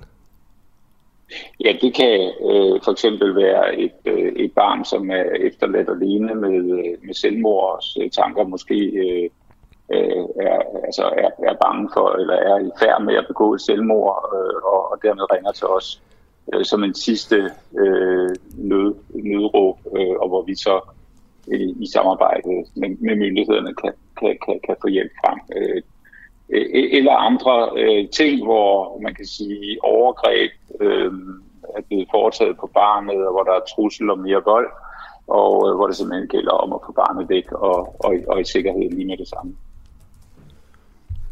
Okay. Øhm, tusind tak, fordi at øh, du var med, Rasmus Kjeldahl. Jamen, øh, selv tak, og, øh, og, og glædelig jul, og, og vi vil i hvert fald på børnetelefonen gøre, hvad vi kan for at få bragt øh, flest mulige børn helt skin igennem. 122.000 børn mellem 0 og 18 år vokser op i familier med et alkoholmisbrug. Øh, vores kilde til det tal, det er Blå Kors. Øh, sidste jul, der havde børnetelefonen 1.208 samtaler med børn og unge i perioden 23. til 31 december. Det var en stigning på mere end 16 procent i forhold til julen 19. Men nu forventer man altså, at øh, det kommer til at stige igen. Hver eftermiddag, mandag til torsdag fra 16 til 18, kan du her på Den Uafhængige ringe direkte ind til vores værter, hvis du mener, at de tager fejl i deres påstande. Det her emne her, det er så vigtigt, og det er så stort en, en slagmark, at, at den kommer vi ikke udenom. Men det, det er jo det, der er fantastisk, det er, at vi kan tale demokratisk. Lige nok, og det er det. Er, det, er, det, er det. Det, ja, det er være uenige eller, eller enige om. Lige nok. Præcis pointen med det her program, det er jo, at vi skal, vi skal have talt om tingene. Også os, der er uenige. En ny påstand i hver udsendelse. Der er ingen sluser eller lyttercensur. Du kommer direkte igennem, og alt er tilladt, så længe du er uenig. Nu, nu siger jeg sådan meget direkte, nu har jeg prøvet både, både at have folk, der øh, øh, synes, jeg er en kæmpe idiot, øh, og så har jeg også prøvet at få nogen på hovedet. Jeg har været dørmænd i 10 år, jeg, jeg har fået øh, rigeligt rigelig med øh, knytnæver til ansigtet. Yes, øh, jeg får lige at vide, at vores øh, app er, er nede lige nu, øh, derfor så er der mange af jer, der lytter med på, på, på Facebook. Hvis I synes, det er bøvlet, så kan I også lytte på DK4 DAB, hvis I har en DAB-radio. Og hvis I gerne, hvis I skal på farten lige om lidt og helst vil lytte via en app, så kan man jo faktisk også downloade DK4, DK4's DAB-app og, og, og, og lytte live der. Der, der er vi jo sådan set der er vi jo sådan set også. Øhm, så vil jeg også bare lige gøre lidt reklame for et, øh, en podcast, øh, vi har. Hver dag, der ligger vi det bedste interview, eller det mest interessante interview, skal jeg måske mere sige, ud på øh, ud som en, øh, som en selvstændig podcast, så hvis man bare gerne vil lytte til et interview, når man er på farten i løbet af dagen, så kan man gøre det. Det hedder Den Uundgåelige. Så skal man lige gå ind og finde den der, hvor man finder sin podcast eller altså gå ind og finde den på vores, øh, på vores øh, fuldstændig udmærkede app, øh, som jo kører 99 procent af øh, 0,999 procent af tiden. Øh, så, så gør det det altså den uundgåelige, hvis du kun lige har 20 minutter, øh, og gerne vil høre det aller, aller bedste. Lige om lidt øh, skal jeg tale med en, der hedder Alex Gleop. Han er musiker, han har et kunstnernavn, øh, han hedder Alex El Bomba. Øh, og øh, han er tidligere medlem af en, fri, en dansk frikirke, som du nok ikke kender. Øh, men det er sådan en af de her, sådan, hvad kan jeg kalde for en franchise-kirke, der kommer fra USA og altså åbner afdelinger rundt omkring i, i hele verden, og altså også allerede nu har flere afdelinger i Danmark og tiltrækker unge mennesker. Men Alex, jeg skal tale med, han har været en del af den her kirke, og han er nu han, han anklager nu kirken for at øh, ikke at være åbne omkring, øh, hvad, hvad man for eksempel mener om homoseksualitet og den slags ting. Jeg taler med Alex lige om lidt, og efter ham, der skal jeg tale med Henrik og Helle, der er med øh, fra hver sin fastnet-telefon i to forskellige værelser øh, fra deres øh, hus, som jeg mener ligger på Fyn. Og på Fyn, øh, der sker der altså også andre ting. Øh, og spørgsmålet her i, i forhold til den, den næste historie, det interview, der kommer her, det er, altså, der skal man prøve at stille sig selv spørgsmålet, hvordan kan man egentlig blive dømt for at eje en legetøjspistol, hvis man altså bare tror, at den er ægte? I forgårs der blev en 25-årig Fynbo idømt en fængselsstraf på to år og tre måneder for at købe og opbevare en legetøjspistol. Øh, det er ikke ulovligt at eje et såkaldt atrapvåben, men fordi den unge mand selv troede, at våbnet var ægte, så blev han dømt i, i retten i Svendborg. Det er simpelthen ikke øh, noget, jeg bare finder på. Anklager i sagen Andreas Dahl. Har du nogensinde øh, set en sag med en til? Godmorgen. Godmorgen. Øh, ikke i forhold til øh, våben, sådan som sagen øh, har været i den her konkrete sag. Øh, man kan sige, det som der bliver straffet for, det er jo forsøg på overtrædelse af det, der hedder straffelovens paragraf 192a om øh, ulovlig våbenbesiddelse under særligt skærpende omstændigheder. Og det som øh, det man kan sige, det er, at man straffer jo den, øh, den onde vilje i forhold til at besidde det her øh, våben her. Jeg synes måske også lige øh, for fuldstændighedens skyld, at det skal med, at nu bliver det kaldt legetøjspistol øh, eller legetøjsgevær. Det var et, et temmelig vellignende attrapvåben, som, øh, som den her unge mand var i besiddelse af. Hvordan så det ud? Jamen, det lignede en øh, Winchester-rifle, som man øh, måske har set det i cowboyfilm. Og øhm, altså, han, han bliver simpelthen dømt, fordi han tror, det er ægte øh, den her, den her øh, 25-årige mand. Altså, hvor, vil du prøve, skal vi prøve at starte sagen forfra? Altså, øhm, hvor, hvor køber han det henne, og hvorfor, hvorfor han anskaffer han så det her, det her våben? Eller det her, altså, øh, atrapvåben? Ja, det kan være lidt vanskeligt at sige, men det han ikke øh, sådan set vil udtale sig om i retten, øh, hvor, hverken hvor han har købt det, eller hvorfor han har købt det. Men, men det, man kan sige omkring sagen, det er, at at politiet får et tip omkring, øh, at han er i besiddelse af det her våben på bopælen og kører ud og renser Og i den forbindelse, der finder man altså et våben, som politiet også tror, umiddelbart, da man kommer, at det her det er et ægte våben, og så tager man det med til undersøgelse. Og så finder man så efterfølgende ud af, da man er inde ved teknikerne, at det her det er i virkeligheden bare et, et atrapvåben. Men vi kan ikke sige noget om, hvorfor han har anskaffet det, eller eller i, i hvilken hensigt. Men retten har vurderet, at der var en, en nærliggende risiko for, at det vil blive brugt til fare for andre, fordi det er ligesom et krav, hvis man skal dømmes for Men, for men det kunne det jo ikke blive, for det virkede jo ikke, ja. Det er rigtigt. Det man kan sige, det man straffer i den her sammenhæng, det er det, man inden for, for jura kalder for et putativt forsøg. Altså, det vil sige, når man, når man tror, man begår noget ulovligt, mm. noget som rent faktisk også er ulovligt, men så er der en eller anden omstændighed, som gør, at det, man ikke opfylder hvad skal man sige, de betingelser, der er for, at det rent faktisk vil være ulovligt. Det er den onde vilje, så at sige, man straffer. Ja. Nu, du er jo anklager her, og du, øh, du, hvad kan man sige, du, du fik jo overbevist retten om, at, øh, at han, han skulle dømmes. Øhm, hvordan, øh, hvordan har du bevist, at han troede, at det var et rigtigt våben? Ja, det kom så af, det kom så af, det var sådan set ikke bestridt, at han troede, det var et rigtigt våben, fordi det har han sådan set selv sagt øh, flere omgange øh, at, at det var han egentlig den overbevisning om. Man sige, det der var det store spørgsmål i retten, det var ikke så meget, om, det var, om han var i ond tro med våbnets tilstand. Det var mere spørgsmålet om, om der var risiko for, at det ville blive brugt. Det er sådan set det, der er forskellen på, om man overtræder ja. våbenloven eller overtræder straffeloven. Og, øh, hvad, altså, hvad havde han ligesom gjort med det? Jamen, han havde sådan set ikke gjort andet, end han havde opbevaret det. Øh, og det er jo i sig selv øh, ulovligt, kan man sige. Så det lå sådan set bare, øh, det lå sådan set bare på bopælen. Men det er jo også tilstrækkeligt, hvis det er sådan, man mener, der er andre omstændigheder, der gør, at der er en risiko for, at det vil kunne blive brugt. Hvad, altså, det hvad var det, det for nogle omstændigheder? Jamen, retten lagde vægt på blandt andet, at øh, han var tidligere straffet for blandt andet røveri og, mm. og voldskriminalitet. Så oplyste han, at han, øh, han havde haft et misbrug i den periode, og man kan sige, at når man har et, et, et hasmisbrug, så er man jo notorisk i, i kontakt med det kriminelle miljø, og så hvad der nok så væsentligt, så havde han så havde han både over for politiet og i retten tilkendegivet, at, at han havde anskaffet der som som led i selvforsvar, fordi han havde en personlig konflikt med en anden. Mm. Uh, Andreas Dahl anklager her, bare lige, hæng lige på i 10 sekunder, der kommer lige en servicemeddelelse. Appen virker igen. Så hvis man lytter med øh, på andre steder end, øh, end, end på appen, så kan man altså bare hoppe tilbage på appen igen, som, som virker. Godt, ding dong, så servicemeddelelsen slut. Øh, Andreas, øh, Andreas Dahl, altså skal jeg forstå det sådan, at hvis vedkommende her bare havde sagt, jeg vidste godt, det var en light, altså det var en atrap, det var et, et atrapvåben, så var han ikke blevet dømt. Altså, det, er jo, øh, det er jo hypotetisk, kan man sige, men, øh, men der er der nok ingen tvivl om, at, øh, at så vi opgaven med at bevise, at han havde været i ondtro, den havde været sværere, hvis det var, hvis det, var det kommet til det.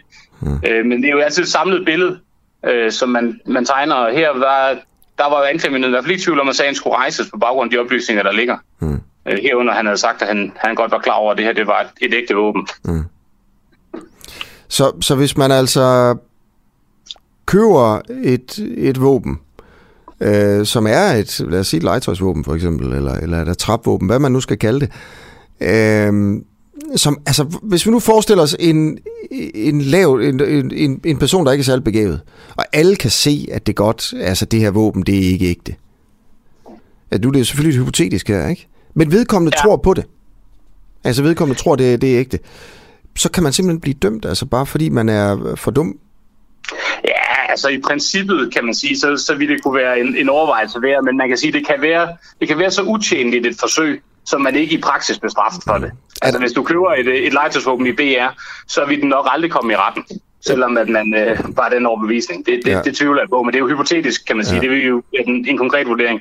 Du ved, øh, man kan godt blive straffet, hvis man er over 15, men man må ikke køre bilen om, øh, indtil man er... Øh 18. Ah, det er måske et dumt eksempel det her, men du ved, de der små øh, legetøjsbiler, hvor man kan putte penge i, ikke? Altså hvis, hvis man er et barn, der sidder på sådan en og tror, at man kører og styrer i virkeligheden, Ja, det, det, man... den, den, går, den holder nok ikke øh, i byretten. Det, det, det, bliver nok for, øh, det bliver nok for utjenligt. Øh, altså det, er der... siger, et, et utjenligt forsøg, det er jo, når det er helt... Øh, når det er helt åbenbart, at det her, det er ikke, øh, ja, det er det ikke er noget, der noget. Ja, Men, det er for latterligt. Ja, ja. Øhm, øh, du ved, jeg ved, at øh, jeg advokater nogle gange sidder, når I skal ligesom argumentere for, at, øh, at der er en, der skal dømmes, eller en, der skal frikendes, så sidder I og kigger på tidligere sager. Øh, nå, der var et eller andet, du ved, en gang i 88, ikke? Og, og der, var, der var sket frifindelse, eller, eller der faldt en dom, øh, og det minder lidt om, og sådan nogle ting. Er der nogen andre sager, der har mindet om det her? Altså, jeg har ikke stødt på nogen i forhold til våben konkret, hvor det har været trapvåben, man har været tid til, man troede, men der er en del sager faktisk i forhold til for eksempel narkodommen. Øh, typisk den situation, hvor man køber et øh, parti narko af en eller anden art, eksempel den tror, det er kokain eller amfetamin, og så ved nærmere undersøgelse, så viser det sig, at man er blevet snydt, og man har kun fået kartoffelmel. I den situation, det ligger der nogle afgørelser på. Der, der er man blevet dømt for forsøg på at besidde narko. Så på den måde kan man sige, der er der praksis på, det er, det er sådan rimelig standard. Ja, altså der kan det være ulovligt at købe kartoffelmel. Ja, lige præcis. Lige præcis. Og det er igen, det er den onde vilje, man ligesom straffer øh, forsættet, som det hedder i, i juridisk terminologi. Ja, men det giver jo på en eller anden måde også mening. Ja, man kan jo sige, at det går også den anden vej. Altså hvis, øh, hvis jeg spiller fodbold ude i min have, og jeg ødelægger naboens rode, øh, så bliver jeg jo ikke straffet for herværk, fordi jeg har ikke haft vilje til det. Jeg har bare været dårlig til at spille fodbold. Men hvis jeg tager en sten og smadrer naboens rode, så kan jeg jo blive straffet for herværk. Så man kan sige, på den måde er det ligesom den onde vilje, der er, øh, der er det afgørende element. Mm. Okay, er der noget inde i dig, der også synes, det er absurd, at han øh, altså får en dom for at have en legetøjspistol? Bare fordi han tror, at Nej, det er rigtig. der sådan set ikke. Det er der ikke. Fordi, nej, fordi det der, er, øh, det der er hensynet, det er jo, at man ikke ønsker at have våben til at ligge i, øh, i hjem, som, hvor det ikke skal være. Mm. Så kan man sige, det er jo en, det er en udefrakommende omstændighed, en tilfældighed i virkeligheden, at det her våben, det ikke er ægte. Øh, så derfor så mener jeg sådan set, at, øh, at, at den er inden for skiven. Godt, jamen øh, jeg har ikke yderligere spørgsmål. Nej. Du, men, øh, du bliver frikendt, du, øh, kan lov, du kan få lov til at at gå fri, Andreas Dahl. Uh, ja. Anklager, ikke? Og tak fordi, at uh, du vil være med til at fortælle om den her uh, lidt spejede sag, kan man vel sige. Ja, velkommen. Godt 22 minutter over 8. Du lytter til en uh, uafhængig morgen. Appen er oppe, alt er godt. Det sneer i Nordjylland. Uh, jeg fik jo, altså for et par dage siden kunne man jo uh, se uh, på tv, uh, efter tv-avisen, når der er øh, vejret, at der vil komme snestorm i dag. 1. december. Og øh, det er jo noget af en, en, en måde at starte julen på. Øhm, jeg var inde, jeg har været inde og kigge lidt her i løbet af programmet, sådan lidt løbende, og øh, altså, så vidt jeg kan se, stormer det ikke, er der ikke snestorm endnu, øh, men der er faldet en lille smule sne, og det skulle vist nok foregå i Nordjylland. Øhm, hvis jeg tager fejl, øh, hvis det er vildere end, end det her, så skriv lige til mig, men så skal vi nok lige øh, stille om øh, og, og, og fortælle lidt om det, men øh, det er sådan, som jeg kan se det indtil videre her til morgen i hvert fald. Øh, 1245 er sms-nummeret.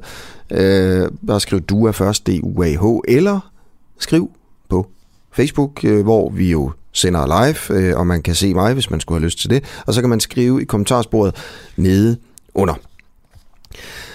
Jeg iler videre. Jeg vil bare lige sige, lige om lidt skal jeg snakke med Anton Geist for, øh, fra øh, Information for at høre ham om overvejelserne i forbindelse med at navngive de chefer på TV2, som havde sex med praktikanterne for eksempel.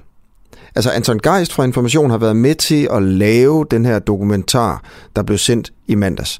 Og han kender navnene. Men han mener ikke, at navnene skal frem. Han har i hvert fald ikke skrevet det i sin avis. Øh, hvorfor ikke nævne navnene på to chefer, hvoraf de måske stadigvæk har ledelsesansvar, det glæder mig til at spørge ham om, øh, som rendte rundt og havde sex med praktikanter for godt nok 20 år siden. Det kan være, at der er gode argumenter øh, både den ene og den anden vej. Jeg glæder mig til at, at høre dem. Det er om, øh, om 5-10 minutter. Efter ham skal jeg snakke med Henrik og Helle Stub, et ægtepar, der går meget op i rumteknologi, og som har lovet at fortælle mig om, øh, at der er far på færre i den internationale rumstation lige nu. Og de er altså med fra hver sin fastnettelefon, øh, som er øh, i to forskellige værelser i deres hjem. Men først øh, er der en frikirke, altså sådan en, øh, en, en amerikansk franchise-kirke, der altså opererer i Danmark, øh, som lyver for deres medlemmer. Nu kommer der kirkekritik i din morgenradio. Det er Frikirken Vineyard, som har tiltrukket mange danske unge til deres fællesskaber i årenes løb. Og Vineyard Frikirken skriver på hjemmesiden, vi er ikke en eksklusiv klub. Vi inviterer alle til at involvere sig, og du er velkommen til at være dig selv. Men nu er den unge sangskriver Alex L. Bomba øh, ude med en kritik. Han retter altså kritik mod Frikirken med en sang, han har lavet. I Need a New Church Done with Vineyard. Øhm, Alex, du er, øh, du er kristen, men du er også biseksuel, og du er også en transperson. Hvordan, øhm, yeah. hvordan, hvordan lyder, altså hvis du skal synge den, til, den, den der sætning? Hvad for en sætning? Uh, I need a new church done with uh, Vineyard. Yeah, I need a new church. This one's full of homophobes lyder nogenlunde sådan. Ja. Øhm. Uh, og jeg skal også lige, uh, lige, lige hurtigt rette, at, at sangen er, er mit andet projekt, Elon Boat. Uh, ja, jeg ved godt, det er lidt forvirrende. Der er to forskellige projekter, uh, Alex Bomba og Elon Boat. Den her sang er Elon Boat. Ikke okay. Alcott, ja, det er fordi, du er, men du er begge personer, kan man sige. Ja, ja, ja. Begge projekter, det er mig. Øhm, uh-huh. Vineyard Kirken, Øh, mm. vi, vi skal selvfølgelig høre din kritik af det her, hvad du har oplevet derinde, og det er jo en alvorlig sag for dig. Men mm. hvad er det for en kirke, hvis vi bare lige kan, øh, kan starte med det? Ja, det, det, er, det er lidt en, en, en spøjskirke. Fordi, øhm, når man kommer ind i den øh, som nyt medlem, så møder man en masse kærlighed, øh, venlige mennesker, unge mennesker, rigtig mange unge mennesker, og et sted, der virker sådan reelt progressivt, øh, selv i et sted øh, som i Danmark. Øh, og så begynder man at snakke med nogle af de unge mennesker der, øh, og, og kommer ind på emner så, som homoseksualitet, og de har det fint med det. Der er ingen had der, der er ingen mangel på accept der, og så, så snakker man med, med, med pressen omkring det, og så siger de, jamen, vi har det fint med homoseksuelle, vi accepterer dem, og de er velkommen i vores kirke. Og så tænker man, nå, det er den næste naturlige skridt i den, den ramse der, det er, at, at de selvfølgelig også viger homoseksuelle, fordi det er det, vi efterhånden blevet lidt vant til herinde i Danmark. Um, men det gør de ikke. Uh, og det siger de ikke, at de ikke gør. Faktisk, det, det tog mig seks år, uh, og at uh, en af mine nære veninder uh, blev, uh, eller fandt ud af, at hun var homoseksuel, for at de overhovedet ville sige det til hende, at de ikke viger homoseksuelle par i kirken. Det, det er simpelthen bare noget, de, de ikke har lyst til at fortælle dem, der er medlemmer af kirken, selvom det er sandt. Okay. Og, bare lige for lige, lige uh-huh. ganske kort om kirken her. Øh, yeah. så jeg, jeg googlede den lige i går, og øh, yeah. så vidt jeg kan se, så den startet i, øh, i USA. Det var, øh, ja. Og så, så breder den sig ligesom rundt omkring. Det er jo en af de her sådan... Øh, altså jeg kaldte det for en franchise-kirke. Der er jo, der er jo yeah. flere eksempler på det. Der er jo også noget, der hedder Hillsong, i, i Hillsong uh-huh. Church i Danmark, der også er kæmpestort yeah. faktisk, som kommer fra Australien. Øhm, men øh, ifølge øh, en rapport fra Studiecenter for Meningsbaseret Teologi, så havde Vineyard i Danmark øh, i 2015 550 medlemmer, men øh, sidste år havde man så 1297 medlemmer, og Vineyard er til stede i alle de store byer i Danmark. Øh, selv i Rønne på Bornholm blev der i 17 ja. oprettet en, øh, en menighed. Hvad er det, altså, når du kommer ind til sådan en... Øh, mm. en gudstjeneste? Altså, hvor foregår det henne, og hvad, hvordan ser det ud? Ja, altså det, det, den i Odense, det foregår i en, i en stor lagerbygning, de, de har renoveret.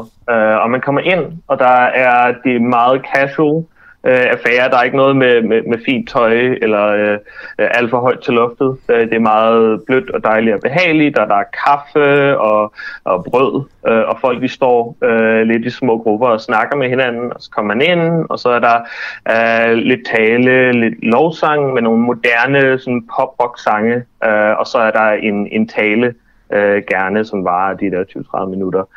Um, det, det er sådan en normal dag. Det er meget afslappet, meget mere afslappet end sådan noget som folkekirken. Det er også derfor, at det, det tiltrækker mange unge mennesker, fordi øh, vi ligesom har været i folkekirken og har mærket, hvor, hvor, hvor gammeldags og hvor, hvor stift det hele føles derinde, hvor, hvor sådan noget som en, en, en frikirke, det, det føles mere afslappet, mere behageligt.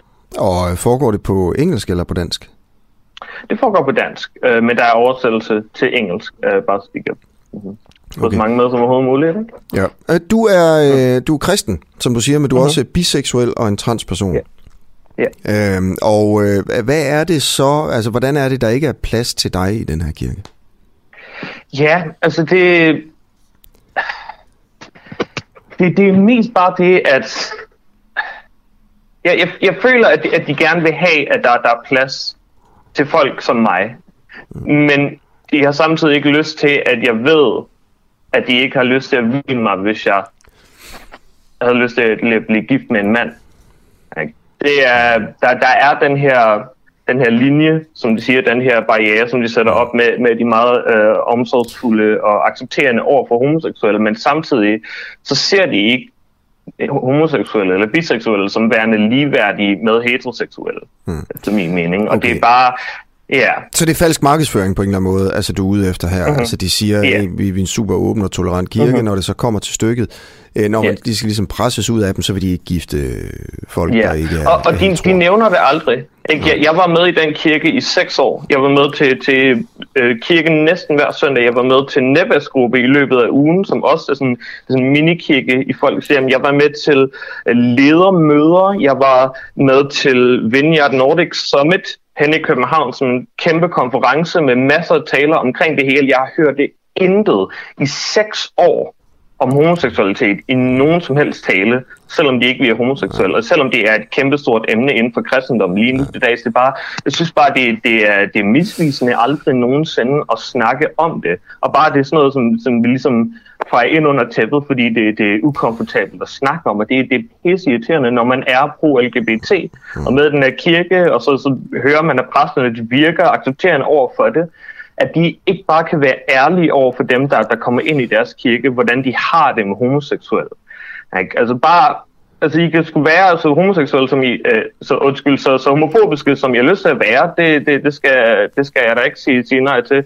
Jeg har lyst til at være homofober, så skal I have lov til at være homofober, men bare fucking være ærlige omkring det. Ja, det skulle have stået ude ved døren, så, folk og... så kunne du gå et, ja. gået et andet sted hen.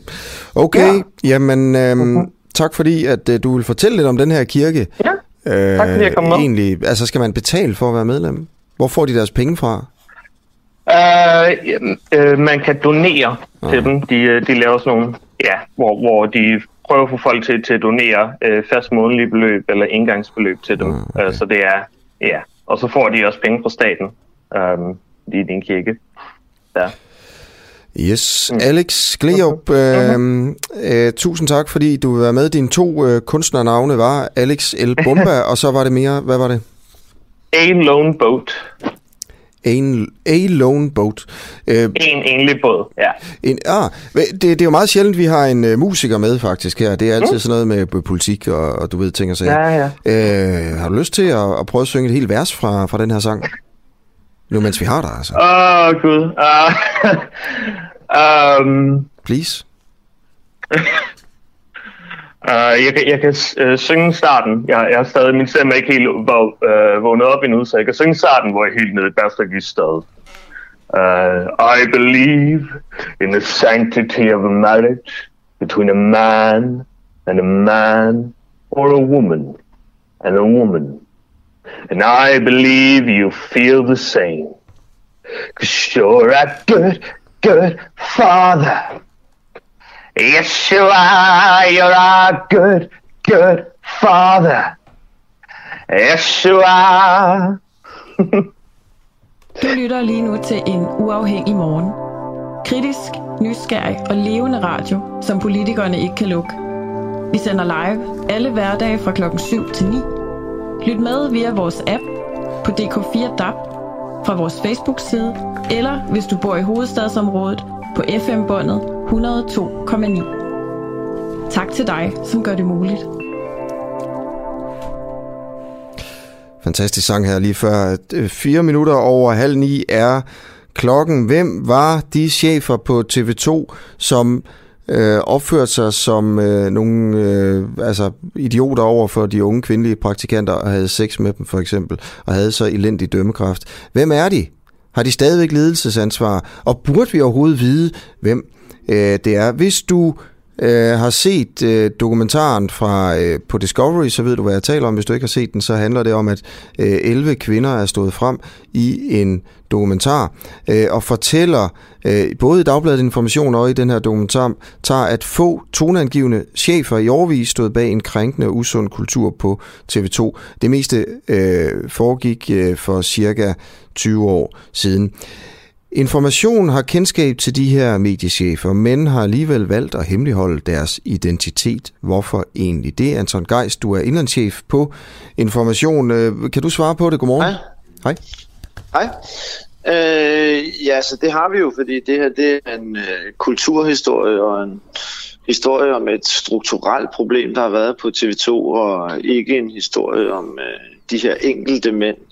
Øh, og øh, det er klart, at der vil være altså, der vil jo være kritik, hvis man ikke anonymiserer, øh, og der er også kritik, hvis man anonymiserer. Ikke? Og vi har altså valgt at forsøge at fortælle en, mm.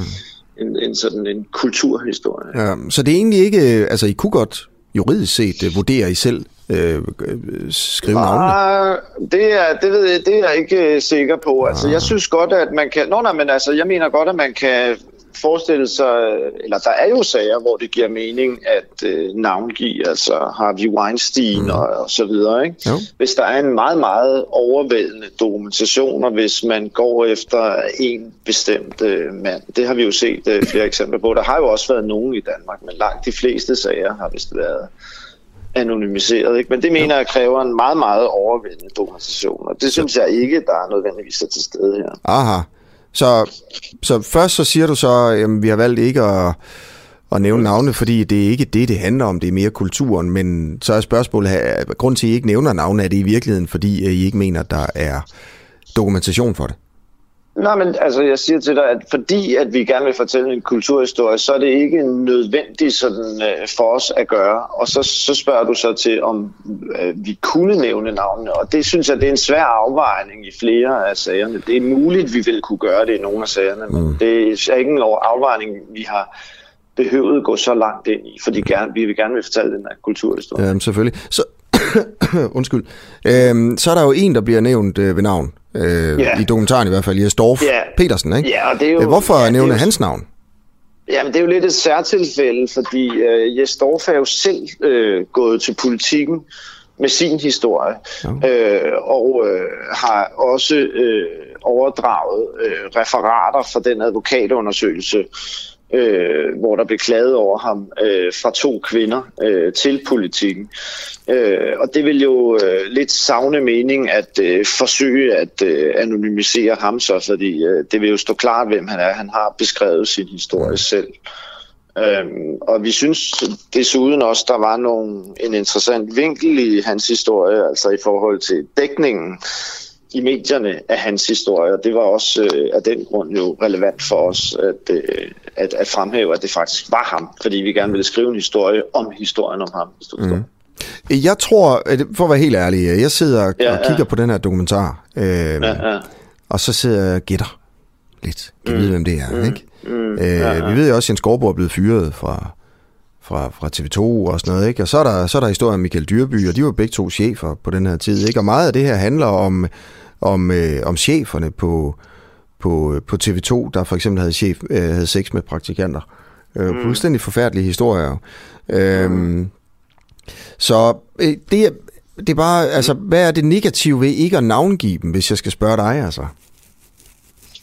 det negative ved ikke at navngive. Ja. Altså, det synes jeg, der er, øh, altså, at der kan opstå, øh, altså, der, der vil jo kunne være nogle chefer, øh, på TV2, som ingenting har gjort, og som vil kunne opleve at, ja. øh, at blive mistænkeliggjort, selvom de ikke, altså ikke har gjort noget. Øh, og det synes jeg, der er det, det, der, det er det problem, vi har måttet forholde os til, når vi vælger at anonymisere. Ikke?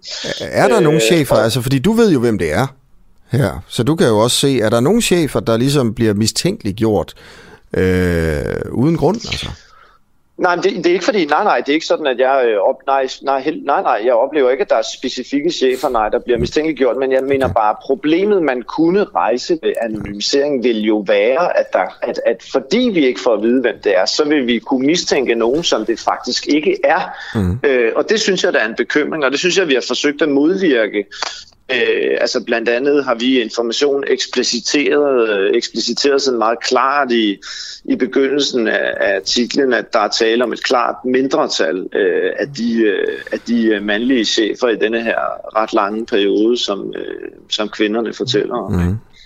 Øhm, så er der sådan selve, hvad kan man sige, øh, jeg, jeg forstår, at det, altså hvis man, hvis man ikke nævner navne, så bliver det mere en historie om en kultur mm. øh, hvor man kan begynde at snakke om kulturen, og så breder det sig, altså så det, bliver det lige pludselig en mere generel historie, øh, og mere principiel historie. Øh, men, så det er det gode ved det. Det gode ved at nævne navne, øh, som for eksempel mm. Harvey Weinstein, som du selv nævner, mm. ikke? Mm. Jamen, det, det er vel øh, gået ud fra, at den for det første, et, at den her krænker øh, ligesom på en eller anden måde bliver offentligt udskammet, og måske ikke kan gøre det igen. Øh, to, at det har sådan en præventiv effekt. Altså, du ved, mm. jo værre mm. det ligesom man ser, det er, jo mere vil man holde nallerne fra sig selv som mandlig chef. Mm. Øhm, mm. Så øh, hvad er overvejelserne omkring, øh, omkring det? Ja, altså at, at der kunne være nogle fordele ja. ved at navngive dem. Øh, jamen det, det, det kunne der jo også, men jeg mener også, der kan være nogle ulemper, ikke? og jeg synes, at det, det, medierne skal som udgangspunkt, synes jeg, være forsigtige med at ligesom agere domstol i de her sager, ikke? fordi øh, vi, vi, vi er jo ikke en domstol. Vi, vi, vi, vi fører jo ikke en sag på baggrund af en politiefterforskning, og vi kan ikke afhøre vidner, og, og de her mænd har ikke de retsgarantier, man vil have øh, ved en domstol, og det er klart, at lige præcis i de her sager, hvis du bliver øh, navgivet som en af de her krænkere, så er det jo noget, der kan ødelægge liv og ægteskaber og karriere og så videre. Ikke? Øh, og det synes jeg er et øh, væsentligt hensyn, man bliver nødt til at tage. Mm. Men det er jo også sådan, at vi jo har øh, selvfølgelig øh, forelagt de her mænd øh, de oplysninger, som, øh, som kvinderne øh, kommer med, øh, så, så de har haft mulighed for ligesom at svare for sig. Mm. Og, så, er, det, er det her, er, det, er der tale om, fordi det, altså, nu noget af det handler om, mm, at er mm. nogle chefer øh, havde sex med praktikanter. Mm. Helt unge praktikanter, og det var sådan lidt ældre chefer, ikke? Øh, og, og det var også sådan lidt, øh, lidt voldsomt, synes jeg. Noget af det, der, der kom frem, det ved jeg, ja, i. Altså, ja, jo, øh, hvor man tænker, de, så de skulle bare ikke være chefer. Og man havde ikke lyst til, at ens egen datter skulle være praktikant på TV2 omkring år 2000, vel? Mm. Øhm, at, at nogle af de her, der har gjort det, som vi jo ikke aner, hvem er, mm. øh, har de stadigvæk øh, personalansvar, nogle af dem? Det kan jeg jo ikke, selvfølgelig, ikke, øh, selvfølgelig ikke gå ind i en diskussion af, mm. det er klart. Øhm, altså, de er jo netop anonymiseret. Så, ja, ja. Det, så det, det kan jeg jo ikke... Øh, det vil du ikke sige, det men du ved det ikke, øh, men, men, men hvad hedder det... Øh, jeg forestiller mig så, øh, hvis vi nu taler om denne her øh, præventive effekt her, ikke? Så, så kunne jeg da nok øh, forestille mig, at den, øh, at den øh, selvom de så ikke bliver øh, navgivet nok er til stede. Det, det, det, det tror jeg nok, øh, man kunne forestille sig, at den var. Ikke? Altså, at, øh, det er jo da, mm. selvom man ikke bliver navgivet nok et rimelig alvorligt rap over nallerne, det her. Det tror jeg da. Udover at jeg vil tro, at de jo helt generelt har en præventiv effekt. Det synes jeg er noget af det øh, fantastiske ved denne her bevægelse. Ikke? Altså at øh, ting, øh, som kunne ske for få år siden, øh, er, er noget sværere at forestille sig, at man kan komme afsted med i dag. Mm. Der tror jeg, at de her historier har en præventiv effekt, også selvom man ikke navngiver. Men du vil ikke sige, om nogle af dem stadigvæk har personaleansvar for, over, over praktikanter for eksempel? Nej. Hvorfor er det ikke relevant? Jamen, det er jo det, vi lige har snakket om. Altså, det er et spørgsmål om anonymisering. Altså, det giver jo ikke mening, at jeg, øh, at vi anonymiserer, og så efterfølgende begynder at øh, komme med oplysninger, som, øh, som kunne øh, identificere dem. Det er klart. Øh, det er vi jo også øh, meget opmærksomme på i artiklerne. Ikke? Altså, at der er nogle konkrete detaljer, som ville kunne bidrage til at identificere dem, som vi øh, tilbageholder, fordi de ikke i øvrigt har relevans for historien. Mm. Okay. For jeg tænker også på, øhm, altså, hvis de har det, det, det er jo bare rent gæt her, ikke? Fordi nogle af cheferne, der var dengang, de har jo personaleansvar i dag. Øhm, har, har du så ligesom sagt til deres chefer, hey, du skal lige vide, at altså, det var sgu den her person, øh, der gjorde det, bare så I lidt opmærksom og sådan noget. Gør, gør, gør du sådan noget?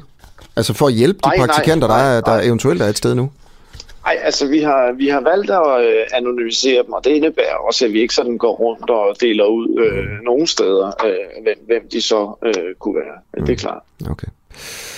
Anton Geis, tak fordi at øh, du vil øh, lukke lidt op for posen om øh, overvejelserne i forhold til at navngive øh, personer her. Indlands. Jeg skal lige spørge til sidst, var det forkert at sige, ja. at det var Harvey Weinstein, der havde gjort det? Mener du det? Hvad siger du? Du ved Harvey Weinstein øh, ja, over i nå, USA. Ja, som jeg selv nævnte der. Ja, ja, ja, ja. Øh, det er jo den, øh, hvad kan man sige, det starter ja, vel, ja, ja. alt det her starter med ham øh, sådan på verdensplan. Ja, det er jo i hvert fald, ja, ja, ja. Og, og han bliver jo nævnt ved navn. Nu kan jeg ikke huske, hvilket mm. medie, der ligesom kører de der ting. Øh. Nej, det er rigtigt. Der var jo et par medier, men var det ikke blandt andet The New Yorker, tror jeg? Ja, det skal også passe. Øh, de nævner ja, ham ved navn. Ja. De, de, de gør det ikke til en, øh, altså en systemhistorie ved at anonymisere mm. Øh, mm. krænkeren. De nævner mm. navnet på ham. Var det, mm. Mener du, altså, at med nu, de kendskab til, til det her, at det var en fejl? Nej, nej, altså det er ikke sådan, at jeg kender ikke den historie i detaljer, men nej. jeg kender den, øh, ligesom andre journalister måske gør. Ikke? Øh, hvad hedder det? Det, det? det er ikke umiddelbart min tanke, nej. Altså det var jo meget specifik en historie om ham. Øh, men det var fordi han blev nævnt, det var en, jamen, det, øh, det kan nå, man... Nej, men det var jo ikke, nå, nej, det var jo ikke en historie om en kultur på Miramax, for eksempel, som var hans produktionsselskab. Altså, det var jo ikke historien om... Men det kunne man have gjort det til jo ved at anonymisere ham. Det, så kunne man sige, det er en historie om, om mænd i magtpositioner, nej, ikke også? Og der er et eksempel nej, på det her. det kunne man vel ikke nødvendigvis, fordi... At, øh, altså, nu, nu kender jeg ikke historien i detaljer, men som, som jeg øh, forstår den, så er det ham, altså. Så er der tale om en mand. Altså, så er det ikke, så er det ikke, mm. der er ikke tale om et mere øh, kulturelt problem. Øh, så jeg, jeg, synes, øh, jeg synes, der er en, øh, en forskel der. Mm. Hvor mange krænkere kræver det egentlig, for at det bliver mere til en systemsag eller et kulturelt problem? En, to, ja, tre eller ti? Jeg ikke sige. Øh, det tør jeg simpelthen ikke sige. Det må man jo vurdere fra sag til sag. Altså. Øh, det synes jeg, man må. Altså, og, og her kan man sige, at der er en hel mm. masse forskellige kvinder, der fortæller om øh, nogle øh, forskellige mænd. Anton Geist, indlandschef på Dagbladet Information. Nu siger farvel til dig for anden gang, og den her gang, der, ja, ja. der holder jeg det. Tak fordi altså, du vil være med. Så lidt. Selv tak. Da. Ja. Farvel. Hej, farvel.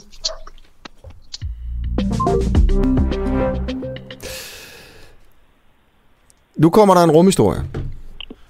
Og øh, Henrik og Helle, er I med fra øh, hver jeres fastnet? Vi er med på en fastnet, ja. Fælles fastnet? Fælles. Et fælles fastnet? Ja. Øhm, den internationale rumstation øh, og astronauterne ombord på den er simpelthen i livsfare, øh, eller er de det, efter en russisk satellitnedskydning. Øh, det er noget af det, vi skal prøve, at, eller jeg vil prøve at tale med, med jer to om. Yeah. Station Houston on Space to Ground 2 for an early wake up. Astronauts aboard the International Space Station were awakened overnight by NASA flight controllers in Houston. We were recently informed of a satellite breakup and need to have you guys start reviewing the safe haven procedure. Ja, det her det er altså øh, lyd fra, øh, fra kommunikationen mellem øh, mellem rumstationen og så, og så jorden. Øh, I forrige uge, der var syv astronauter, de syv, der lige nu er ombord på den internationale rumstation, nødsaget til at søge dækning, efter russerne afprøvede øh, noget, der hedder et ASAT-våben, altså ASAT. Ja, det er rigtigt. Ja.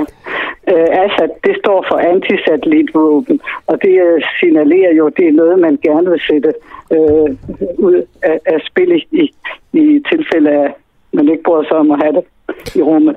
Men øhm, øhm, skal vi vende tilbage til begyndelsen der? Ja, ja jeg, var... må, jeg, må jeg lige præsentere jer to, Henrik og Helle Stub, øh, kendt ja. Øh, skænder i astronomi, fysik og matematik og skribenter for videnskab.dk.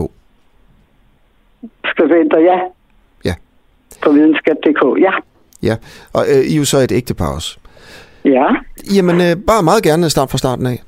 Og vi har samarbejdet jo i mange år om astronomi og rumfart. Det bliver til. Så øh, starten øh, på hele historien? Starten på hele historien, ja.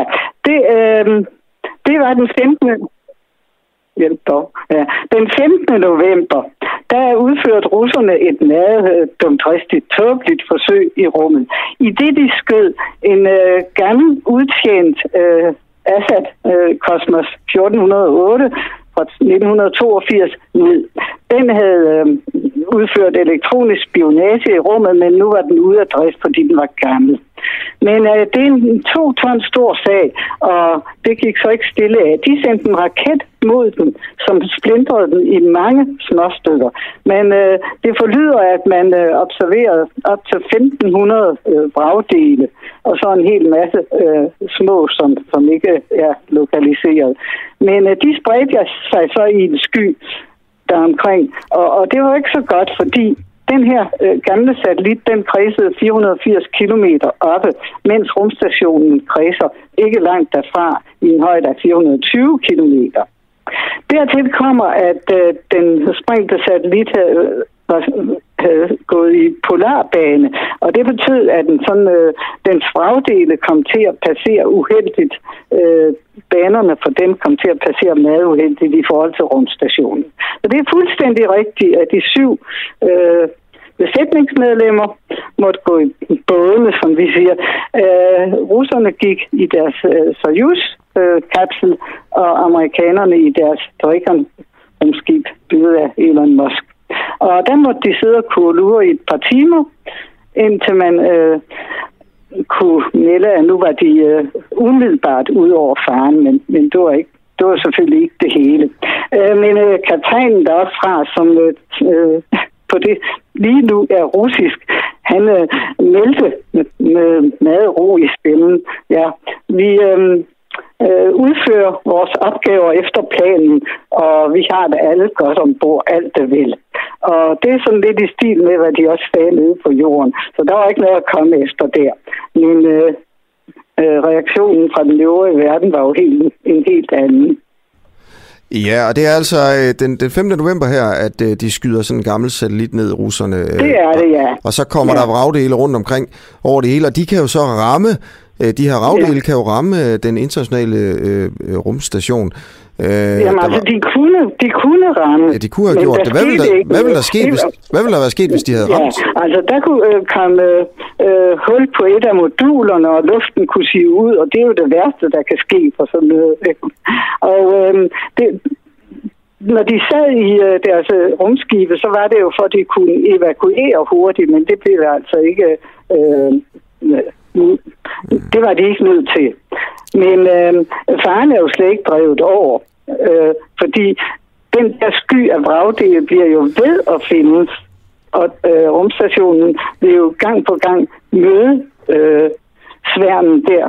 Men rummet er stort, ikke? så det er derfor, altså, øh, at der kan, det, kan også, der, det kan også ske, at der ikke øh, sker ulykker ombord. Men de havde ombord på sejlet alle de øvrige moduler, så hvis der kom et hul, så spredte det sig ikke til hele rumstationen. Okay. Og det var sådan det, man på forhånd havde gjort. Så den umiddelbare fare er overstået. Okay. Henrik, har du noget at tilføje her?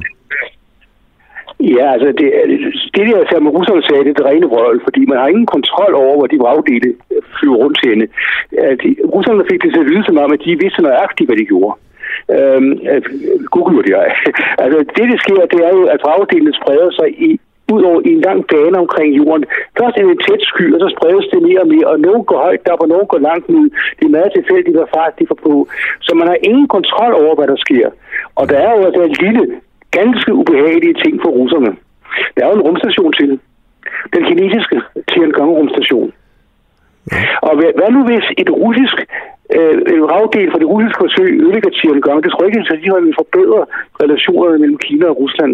Så det er, altså, det, det er en, en ongoing crisis. Altså det er, øh, vi, vi, er langt, vi er langt fra øh, ude af det. Mm. og så hvorfor, er det det. Ja. Hvor, hvorfor er det, at øh, Henrik og Helle, at russerne gør det? Altså, hvorfor skyder de øh, sådan en gammel øh, 80'er øh, overvågningssatellit ned, hvis det er så farligt? Det er også komplet tåbeligt. Og jeg kan ikke give nogen logisk form for at sige, vi har efterhånden en vis idé om, at det, som skal føre militær rumfart, det finder vi tilbage til det senere om. Øh, men øh, det, de gjorde der, det var noget, man aldrig, aldrig, aldrig må gøre inden for militær rumfart, nemlig at ødelægge en anden satellit. Og det må man ikke, fordi de vragdele blokerer adgangen til rummet for alle i mange, mange år. Prøv at tænke dig, at hvis de havde en rigtig konflikt i rummet, skulle de ikke skyde en satellit ned med måske 10, 20, 30. Vi får så mange vragdele i rummet, at ingen, hverken dem, der angriber eller dem, der forsvarer sig, kunne flyve i rummet på grund af vragdele og faren for sammenstød det er det, altså alt andet i militær rumfart næsten er tilladt. Men der er findes forskellige måder, man kan signere hinanden på, uden at lave ravage. Forsøget har givet militært set ingen mening overhovedet, fordi man kan ikke bruge de der assad på den måde. De er, de, de er, alt, for, de er alt for ødelæggende øh, for, for, den, for de kommende årtiers rumfart. Så jeg, jeg, jeg kan ikke give nogen fornuftig forklaring på det, udover dumhed øh, kender ingen grænser. Altså, det... Ja, der må være en anden, fordi det, det er jo... Øh min, jeg tænker, så russerne skyder vel ikke en satellit ned, altså fordi at de ikke har andet at lave sådan en eftermiddag. Altså, der er vel en grund til det? Ja, det er en grund, de kan. De har et system, der er Nudolf, øhm, der de, de har prøvet af en halv gange før. Og det er skudt med matematiske satellitter ud i rummet. Der stiller jo ikke nogen ravage. Det er de bare sige, at raketten ramte der, hvor det skulle ramme. Så prøver de en gang at, øh, så ramme en satellit. Og øhm, det er et vanvittigt dårligt signal at sende. Også fordi det bringer rumstation ISS i fare. Øhm, det er altså politisk, altså det er det så dumt som altså, jeg kan næsten ikke udtrykke det kraftigere nok. Øhm, det, selvfølgelig er det, er det en, stormærke, stormærkerne gerne. Amerikanerne har prøvet det for mange år siden. Russerne har prøvet det tidligere. Kina har prøvet det. Indien har prøvet det. Øh, men altså, man har holdt op med de forsøg der, fordi faren for de vragdele, de laver, det er så stor, at det er præcis det eneste, man ikke skal gøre inden for militær rumfart, der findes, som man skal se andre og meget, meget snedigere måde at genere hinanden på i rummet, end måske skyde satellitter ned. Jeg er svært til at give en, en, en, en militær fornuftig forklaring på, at de har gjort det. Okay. Prøv, uh, Henrik og Helle Stub, I har altså fortalt uh, her, hvordan russerne skød en satellit ned, og hvordan det var uh, hammerdumt at gøre det, og rigtig farligt for begge rumstationer, både den internationale og den uh, kinesiske. Hvad var det nu, den hed, den kinesiske? Tiangong, Tiangong rumstationen. Tien, Tiangong. Tiangong, ja. Tiangong. Og, ja. Og det var en rigtig... Tiangong. Tiangong. Ja. Og dertil kommer, at uh, russerne faktisk havde en traktat, også med Kina, om at man skulle være forsigtig med sådan noget i rummet. Mm. Så det er så ulogisk, og vi, vi altså, man kan genere satellitter på mange andre måder, men uh, her... Uh, og russerne kunne også have gjort det der forsøg på, hvad skal vi sige, et neutralt punkt i rummet, hvor de ikke sigtede mod noget, men bare viste, at deres raket kunne ramme præcis. Mm. Det er en anden ting. Må, må jeg spørge jer om noget? Øh, ja. Fordi der, klokken er snart ved at være ni. Tror I, at der har været UFO'er øh, i øh, atmosfæren inden for de seneste 50 år? Nej, men det har der ikke med det her at gøre. Da. Nej, det ved jeg godt. Men det er fordi, hver gang det, jeg tænker på rummet for tiden, så tænker jeg på, at den amerikanske kongres jo er begyndt at tage det her alvorligt. Der øh, var den her rapport, der kom i, i sommer, jo, som, det... som øh, havde nogle observationer, der ikke kunne forklare, så mange eksperter var ude at sige, det er meget sandsynligt, at det er øh, teknologi fra det ydre rum, der på en eller anden altså, måde ind. Altså er, at vi ved intet om det. Men det, øh, amerikanerne, de er, de er der er et eller andet, vi endnu ikke forstår. Det, det er det nærmeste, man kan sige om det. Og øh, vi har ikke spekuleret i UFO i den anledning. vi, vi har bare konstateret, at sådan det var der. Men øh, øh, hvis vi skal tilbage hertil, så er der jo kommet protester fra mange lande, som ikke kan forstå, at Rusland ikke, ikke øh, holder de internationale aftaler. Og det er som om, de snakker udenom, vi er udenom. Lavrov har sagt, at de øh, var ikke forpligtet til at øh, orientere nogen. Og øhm, øh, øh, Roskosmos har sagt, at øh, det er simpelthen i deres, øh, de, deres gode ret til at gøre de der ting, så de snakker helt udenom alle aftaler. Der har været protester jo fra den amerikanske udenrigsminister Blinken, om, øh, og han hårdt øh, kritiserer de der destruktive forsøg der. Mm. Og øh, også fra Bill Nielsen, NASA's leder. Ja. Han synes, det er en totalt ans- uansvarlig adfærd og så videre. Okay. Frankrig og Tyskland har også protesteret. Okay, hvad, Og, så, Helle, jeg kommer til at, jeg kommer ja. til at afbryde dig her. Tusind tak, fordi I vil fortælle om historien, og om hvorfor det er så forkert af russerne at skyde, øh, skyde, skyde den her gamle satellit i stumper og øh, 15.000 Ja, og du skal stykker. vide, øh, at der var 1.500 mange stykker. andre ting, de, at mange andre ting, de kunne have gjort, hvis de ville genere fjendens satellit som jamminger mm. og så videre. Så det, er- det er en lang historie. Den får vi en anden dag, Henrik og Helle Stub. Tak, tak fordi I vil være med. Begge to kantskenter i astronomi, fysik og matematik, og altså skribenter for videnskab.dk. Der kommer en lille meddelelse her, det er jo den 1. december, og øh, så lancerer vi simpelthen et juletiltag her på Den Uafhængige. Du kender måske konceptet Giv en Ged, øh, hvor man kan hjælpe de fattige øh, i Afrika ved at give dem en ged. Øh, vores pandang øh, her i julen, den hedder øh, Giv et kritisk spørgsmål i julegave. Øh, det betyder, at du kan købe et gavemedlemskab øh, på enten 6 eller 12 måneder til en, du kender, som synes, at øh, det er vigtigt at lave kritisk øh, journalistik og lave kritiske interviews, som vi jo prøver på her på Den øh, Uafhængige. Øh, det indeholder et gavebevis, hvis du altså køber det, som du kan printe eller så sende digitalt til en, du gerne vil give øh, den her gave til. Øh, det kan man se mere om på vores øh, hjemmeside duah.dk eller ved at sende en sms lige nu til UA-JUL, U-A-J-U-L, til 1245. Så bare skriv det, og så får du et link, og så står det hele der.